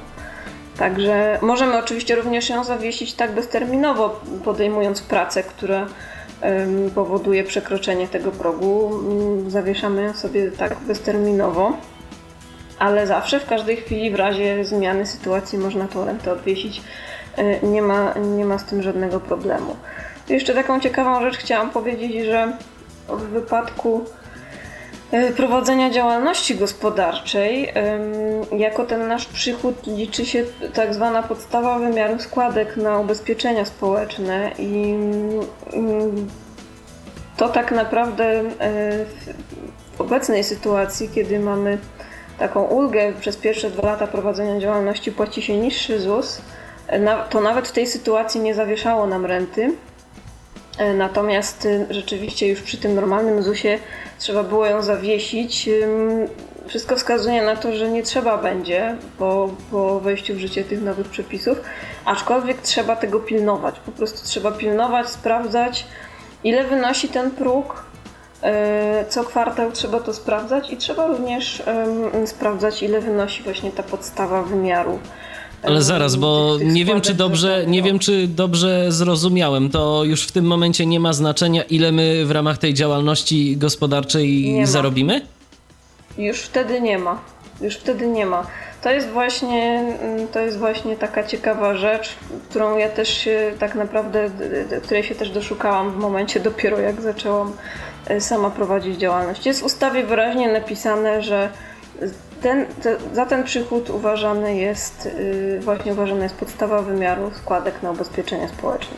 No to dobrze wiedzieć. Myślę, że części tak. osób, które prowadzą działalność gospodarczą, taka wiedza się przyda. Yy, chociażby mi, tak mówiąc szczerze. No, także jest tutaj, jest, to, jest, to, jest, to jest akurat całkiem korzystne dla osób prowadzących działalność gospodarczą rozwiązanie. Ono jest nawet, nawet może się okazać korzystniejsze właśnie dla, dla nas niż dla osób, które pracują gdzieś tam na etacie. Niestety dla nich, bo, bo rzeczywiście no, tam jest konkretna jakaś, konkretne wynagrodzenie i może się okazać, że ono przekroczy. A my tutaj, o ile tylko gdzieś tam nie zostanie to tak zrobione, że ta podstawa wymiaru składek nam przekroczy ten ten próg, to nie powinno być problemu. Tak jak liczę sobie, to nie powinna przekraczać. No, takie są moje szacunki, że nie powinna. Okaże, się, nadzieję, sama, okaże się wszystko w przyszłym roku. działalność gospodarczą. Tak. No właśnie. No wiadomo, mm, kilkaset złotych to zawsze jeszcze mm, jakiś dodatkowy profit. Piechotą Oczywiście. nie chodzi. Zgadza się. Tak. Y, kolejna kwestia y, o której także już swego czasu troszeczkę mm, wspomnieliśmy, ale myślę, że to jest też jeszcze istotna rzecz i mówić o tym nigdy mm, dość, to zwierzęta asystujące. Yy, jak rozumiem, no już od pewnego czasu nie ma najmniejszego problemu, żebyśmy sobie z pieskiem, przewodnikiem gdzieś weszli, gdzie tylko chcemy, czy są jakieś ograniczenia? To znaczy, to, to jest w ogóle uregulowane w, w właśnie w tej naszej słynnej ustawie o rehabilitacji zawodowej, społecznej i zatrudnianiu osób niepełnosprawnych i to są, są artykuły generalnie 20a, 20 tutaj następne. Jest to uregulowane, natomiast to jest mowa o obiektach użyteczności publicznej i tutaj są jakby w szczególności budynków y, przeznaczonych na potrzeby administracji publicznej, wymiaru sprawiedliwości, kultury, oświaty, szkolnictwa wyższego, opieki zdrowotnej, opieki społecznej, socjalnej, obsługi handlowej itd. Tak Jest tu sporo tego wymienionego. Y, myślę, że nie będę tego wszystkiego y, czytała, bo, bo każdy sobie to może bez problemu znaleźć. Natomiast myślę, że to generalnie rozwiązuje no, rzeczywiście ten problem, który był, był, był bardzo wyraźnie zaznaczony e, z wchodzeniem właśnie z pieskami gdzieś tam do, do najróżniejszych budynków, w tym również do sklepów. Mm, w tej chwili tego problemu nie ma, przy czym to musi być pies e, z certyfikatem, to jest podstawowa rzecz. Aha, oczywiście w środkach transportu kolejowego, drogowego i tak dalej obowiązuje również, bo to jest. Wiem, że też się zdarzają problemy, że, że pieski bywają niewpuszczane do autobusu na przykład. Nie ma, nie ma takiego prawa, żeby, żeby takiego psa nie wpuścić do takiego środka.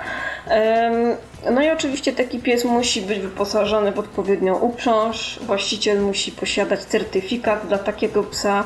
No, trzeba by go stale nosić ze sobą tak naprawdę w sytuacji, gdyby ktoś gdzieś zakwestionował, żeby móc pokazać, że to jest rzeczywiście pies taki asystujący, bo tu jest właśnie mowa o asystujących, nie tylko o przewodnikach przecież, żeby ten pies miał prawo wejścia do tych różnych y, budynków. Również trzeba, musi być y, zaświadczenie o wymaganiu, y, o wykonaniu odpowiednich szczepień, bo to też jest bardzo istotne tego psa. Kolejna rzecz, skoro już gdzieś jesteśmy w terenie, to oznakowanie osób niewidomych. Czy jakieś konkretne uregulowania tego dotyczą, żeby no, chociażby kiedy gdzieś sobie idziemy, mm, to żeby kierowcy albo inni uczestnicy ruchu drogowego wiedzieli, że porusza się osoba niewidoma, no i że trzeba zwrócić uwagę niekiedy bardziej na tę osobę. No niektórzy wiem, że mają z tym problem. Nie każdy chce być postrzegany jako osoba niewidoma, to, to już y, jest różnie, ale prawnie to chyba też jest jakoś gdzieś uregulowane, prawda? E, tak, jest to uregulowane w ustawie Prawo o ruchu drogowym. E, artykuł 42 tej ustawy mówi, że niewidomy podczas samodzielnego poruszania się po drodze obowiązany jest nieść białą laskę w sposób widoczny dla innych uczestników ruchu. W związku z tym to jest, to jest no, przepis, który nas obliguje do takiego, do takiego postępowania i no, w razie jakiegoś wypadku, jeżeli osoba niewidoma nie będzie miała laski, to tak naprawdę no, bardzo, różnie, bardzo różnie się dalej sprawa może potoczyć, gdyby chodziło o jakieś ewentualne odszkodowanie i, tego typu e, historie, bo, bo można tutaj uznać nawet y, być może na przykład przyczynienie się tej osoby, jeżeli ona nie sygnalizuje, że ma problem ze wzrokiem, no to kierowca również nie, nie ma obowiązku się tego domyślać, prawda? Więc to już zależy od, od konkretnej sytuacji. Natomiast myślę, że taka zwykła ludzka odpowiedzialność y, powinna nakazywać osobom, które faktycznie mają z tym wzrokiem problem poważny, e, to żeby, no żeby z tą laską chodzić i żeby tego rzeczywiście przestrzegać. Teraz pytanie, co to znaczy samodzielnie? Czy jeżeli idziemy sobie z psem, to już jest niesamodzielnie? Yy, powiem szczerze, że y, nie, nie znalazłam y, w przepisach tej ustawy żadnych szczególnych właśnie, znaczy w tej ustawie żadnych szczególnych przepisów dotyczących e, psa. Tak naprawdę to powiem szczerze, że nie wiem, jak, jak, jak jest to interpretowane, aż tak się w tę kwestię nie wgłębiałam. Pytam dlatego, Natomiast bo. Faktem jest. Pytam dlatego, bo, bo ostatnio tak właśnie. Nie zawsze trzeba mieć laskę. No właśnie, bo w naszej ostatniej audycji o psach przewodnikach, która jakiś tak. czas temu się pojawiła, yy, padały takie głosy, że po prostu ludzie z laską nie chodzą. No i teraz pytanie, yy, czy robią to zgodnie z literą prawa, jeżeli nie chodzą z laską, a chodzą z psem. Tak, tak naprawdę myślę, że lepiej i bezpieczniej e, byłoby rzeczywiście, gdyby, gdyby te osoby z laską chodziły. Ja, ja, ja nie mam psa przewodnika, w związku z czym nie wiem, jak to wszystko wygląda tak ściśle technicznie. Na pewno problem powiedzmy jest o tyle mniejszy, że mniejsze jest ryzyko jednak jakiejś tam sytuacji na drodze e, nieciekawej, więc też mniejsze jest ryzyko, że ta sprawa gdzieś tam w, w sądzie może, może wyniknąć. Być może trzeba by doczytać jeszcze komentarze jakieś do tego, do tego przepisu. Nie wiem, czy jest to gdzieś ujęte, ale jest to rzeczywiście kwestia no, ciekawa do rozważenia. No i ostatnia kwestia, która tak e, myślę, że może podsumować tą naszą dzisiejszą rozmowę. No, prawo jest w sumie dla ludzi. Te wszelkie przepisy są po to, żeby ułatwiać nam życie, mimo że no, niekiedy czasem je utrudniają. Ale co w sytuacji takiej, kiedy ktoś naszych praw nie chce respektować, chociażby właśnie czy w banku, czy w jakimś miejscu, gdzie kwestionują nasz podpis, y, czy w innych sytuacjach, jeżeli ktoś nas na przykład nie chce wpuścić z psem przewodnikiem, co najlepiej w takiej sytuacji zrobić? No bo oczywiście, wiadomo, można się awanturować, y, można mm, zażądać y, rozmowy z przełożonym, no ale kiedy prze, przełożony również nas będzie, to co robić dalej? To tak naprawdę zależy od danej sytuacji, w której to się pojawi, bo zawsze, y, zawsze jest możliwość zwrócenia się do jakiegoś, czy to organu, czy, czy, czy, czy instytucji, która gdzieś tam jest ponad daną instytucją, która nam coś utrudnia. To jest tylko kwestia dojścia do tego akurat, kto to jest w tym konkretnym wypadku. Jeżeli z psem no, nie, kierowca nie wpuszcza do autobusu, to e, może, może się zdarzyć również tak, że trzeba będzie po prostu interweniować w, w, no, w firmie, tak, która do której te autobusy należą. Czyli u tak zwanego przewoźnika. Tak, dokładnie. Natomiast to tak naprawdę zależy, jaki efekt, efekt chcemy osiągnąć, bo z jednej strony no, są sytuacje, w których potrzebujemy jakiejś interwencji teraz, zaraz, czy w jakimś tam niedługim czasie i wtedy mimo wszystko najlepiej jest wykorzystać te takie sposoby no, najprostsze i najbliższe, przynajmniej moim zdaniem, bo one jeszcze dają jakąś szansę na powodzenie. No, jeżeli są jakieś historie, które się powtarzają, czy, czy jakoś bardzo nam utrudniają życie, e, no to tak jak mówię, można wykorzystywać drogę po prostu no, przewidzianą w danej sytuacji, czyli albo postępowania administracyjnego, jeżeli są to jakieś urzędy, albo właśnie zgłaszania do różnego rodzaju um, instytucji, które gdzieś tam sprawują nadzór nad, nad um, danymi podmiotami. E, zawsze jest możliwość zwrócenia się, jak już wspominałam, do Rzecznika Praw Obywatelskich, e, który ma no, pewne możliwości zajęcia się sprawą, e, ma pewne możliwości zainicjowania również różnych kontroli, na przykład z Najwyższej Izby Kontroli. Pełnomocnik rządu do spraw osób niepełnosprawnych jest z kolei taką osobą, która powinna czuwać nad wykonywaniem tej ustawy o rehabilitacji zawodowej Także no, faktem jest, że nie ma jakiejś takiej jednej instytucji, do której można by się zwrócić ze wszystkimi problemami i ze wszystkimi kwestiami dotyczącymi osób niepełnosprawnych. No kolejną oczywiście możliwością są sądy. Jeżeli mamy poczucie, że, że ktoś naruszył nasze dobra osobiste, albo jeżeli um, ponosimy jakąś szkodę, dajmy na to z powodu tego, że ktoś umowy z nami nie chciał zawrzeć, czy że nas gdzieś nie wpuścił z psem, y, Również jak najbardziej jest możliwość y, tutaj wnoszenia sprawy do sądu i żądania y, na przykład odszkodowania czy zadośćuczynienia, albo też po prostu zobowiązania jakiegoś podmiotu do tego, żeby z nami daną umowę zawarł. Takie możliwości no, też istnieją ale one już są nieco bardziej czasochłonne niestety.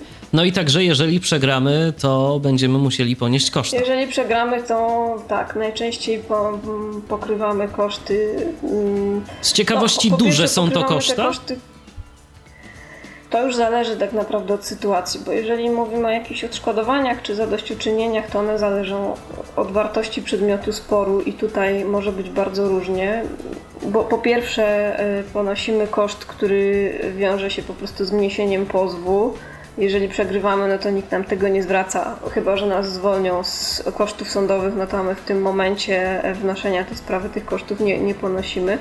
Natomiast zawsze i bezwzględnie ponosimy koszt, y, jeżeli druga strona jest reprezentowana przez pełnomocnika profesjonalnego i ta druga strona wygra, to ona ma prawo zażądać właśnie zwrotu tych kosztów i to one bywają spore właśnie w wypadku mm, tych, no takich, tam gdzie jest wyższa wartość przedmiotu sporu po prostu.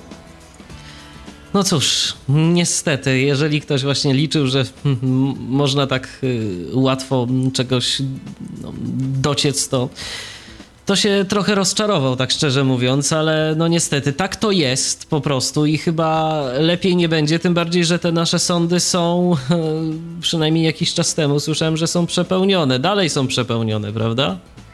No są dalej przepełnione, to zależy od, od danego miejsca, różne tam są terminy tych spraw, no ale to nie jest na pewno najszybszy sposób y, rozwiązywania problemu zdecydowanie, zdecydowanie nie. Zawsze trzeba sobie rozważyć, czy to tak naprawdę nam się opłaca, czy mamy na to ochotę. Ja tak jak mówię, ja sama osobiście nie jestem skłonna do chodzenia do sądu z własnymi sprawami.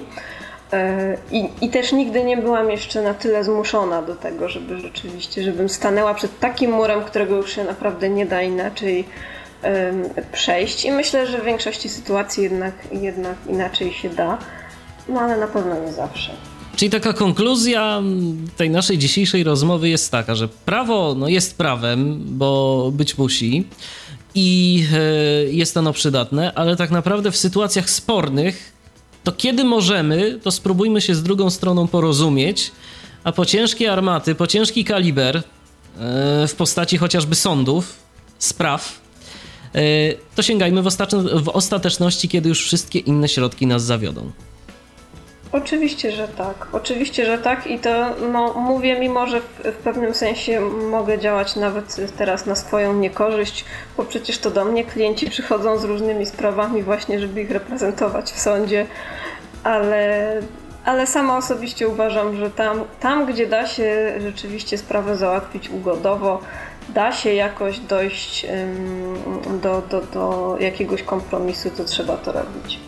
To na koniec jeszcze Magdo, tak jak mówiliśmy na początku audycji, bardzo prosiłbym Cię o podanie adresu poczty elektronicznej, jeżeli nasi słuchacze, e, którzy będą słuchać tej audycji w formie podcastu, będą mieć e, jakieś pytania związane z aspektami prawnymi, e, których niekoniecznie może będą chcieli ujawniać publicznie, bo to różnie też, prawda, wygląda. Oczywiście będzie można pisać komentarze pod audycją, natomiast no, jeżeli ktoś będzie będzie chciał skontaktować się z Tobą prywatnie, to teraz masz możliwość, żeby się adresem mailowym podzielić. Ja pozwolę sobie podać mój firmowy, kancelaryjny adres z uwagi na to, że po prostu wtedy będę wiedziała, że to jest w sprawach takich zawodowych, bo inaczej to mi się będą, mogą mi się gubić maile. To jest adwokat małpa Magdalena Szyszka pisane razem.pl to jest mój mail taki firmowy, na który można w takich sprawach się zwracać. Ja tylko jeszcze dodam, że ja jestem absolutnie zobowiązana do tajemnicy adwokackiej, więc Mm, tutaj żadne kwestie, które ewentualnie byłyby poruszone, nie wyjdą. Nigdzie nie zostaną nigdzie rozpowiedziane. E, I w razie no, jakichś takich sytuacji również postaram się pomóc. E, I sama też czasami zgłębić różne tematy, bo, bo nie ze wszystkim miałam okazję się zetknąć w praktyce. I, i, i też być może istnieją problemy, o których, o których nawet nie wiem, więc chętnie się też mogę z tym zapoznać. A zatem adwokat małpa Magdalena Szyszka, pisane razem.pl to jest adres, e, twój adres poczty elektronicznej, na który można pisać i pytać o różne kwestie związane z prawem.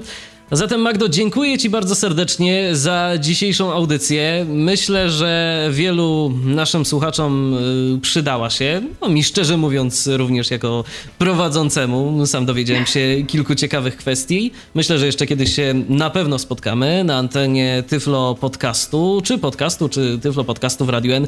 No i myślę, że jeszcze również będziemy mieli o czym porozmawiać. Ja również bardzo dziękuję. A zatem do usłyszenia, do następnej audycji. Przypomnę, że e, moim e, i waszym przede wszystkim gościem była dziś Magdalena Szyszka, z którą rozmawialiśmy na temat różnych zagadnień prawnych dotyczących osób niewidomych i słabowidzących. E, kolejny Tyflo Podcast na antenie Radia N już za tydzień po godzinie 19. Zapraszam bardzo serdecznie w kolejny poniedziałek. Kolejna audycja specjalnie dla Was e, poświęcona temu, co istotne dla niewidomych i słabowidzących. My jeszcze usłyszymy się wcześniej, bo usłyszymy się w niedzielę po godzinie 20, już w takiej typowo muzycznej audycji zatytułowanej Z Archiwum M. Michał Dziwisz, kłaniam się, do usłyszenia. Był to Tyflo Podcast. Audycja o technologiach wspierających osoby niewidome i słabowidzące. Audycja współfinansowana ze środków Państwowego Funduszu Rehabilitacji Osób Niepełnosprawnych.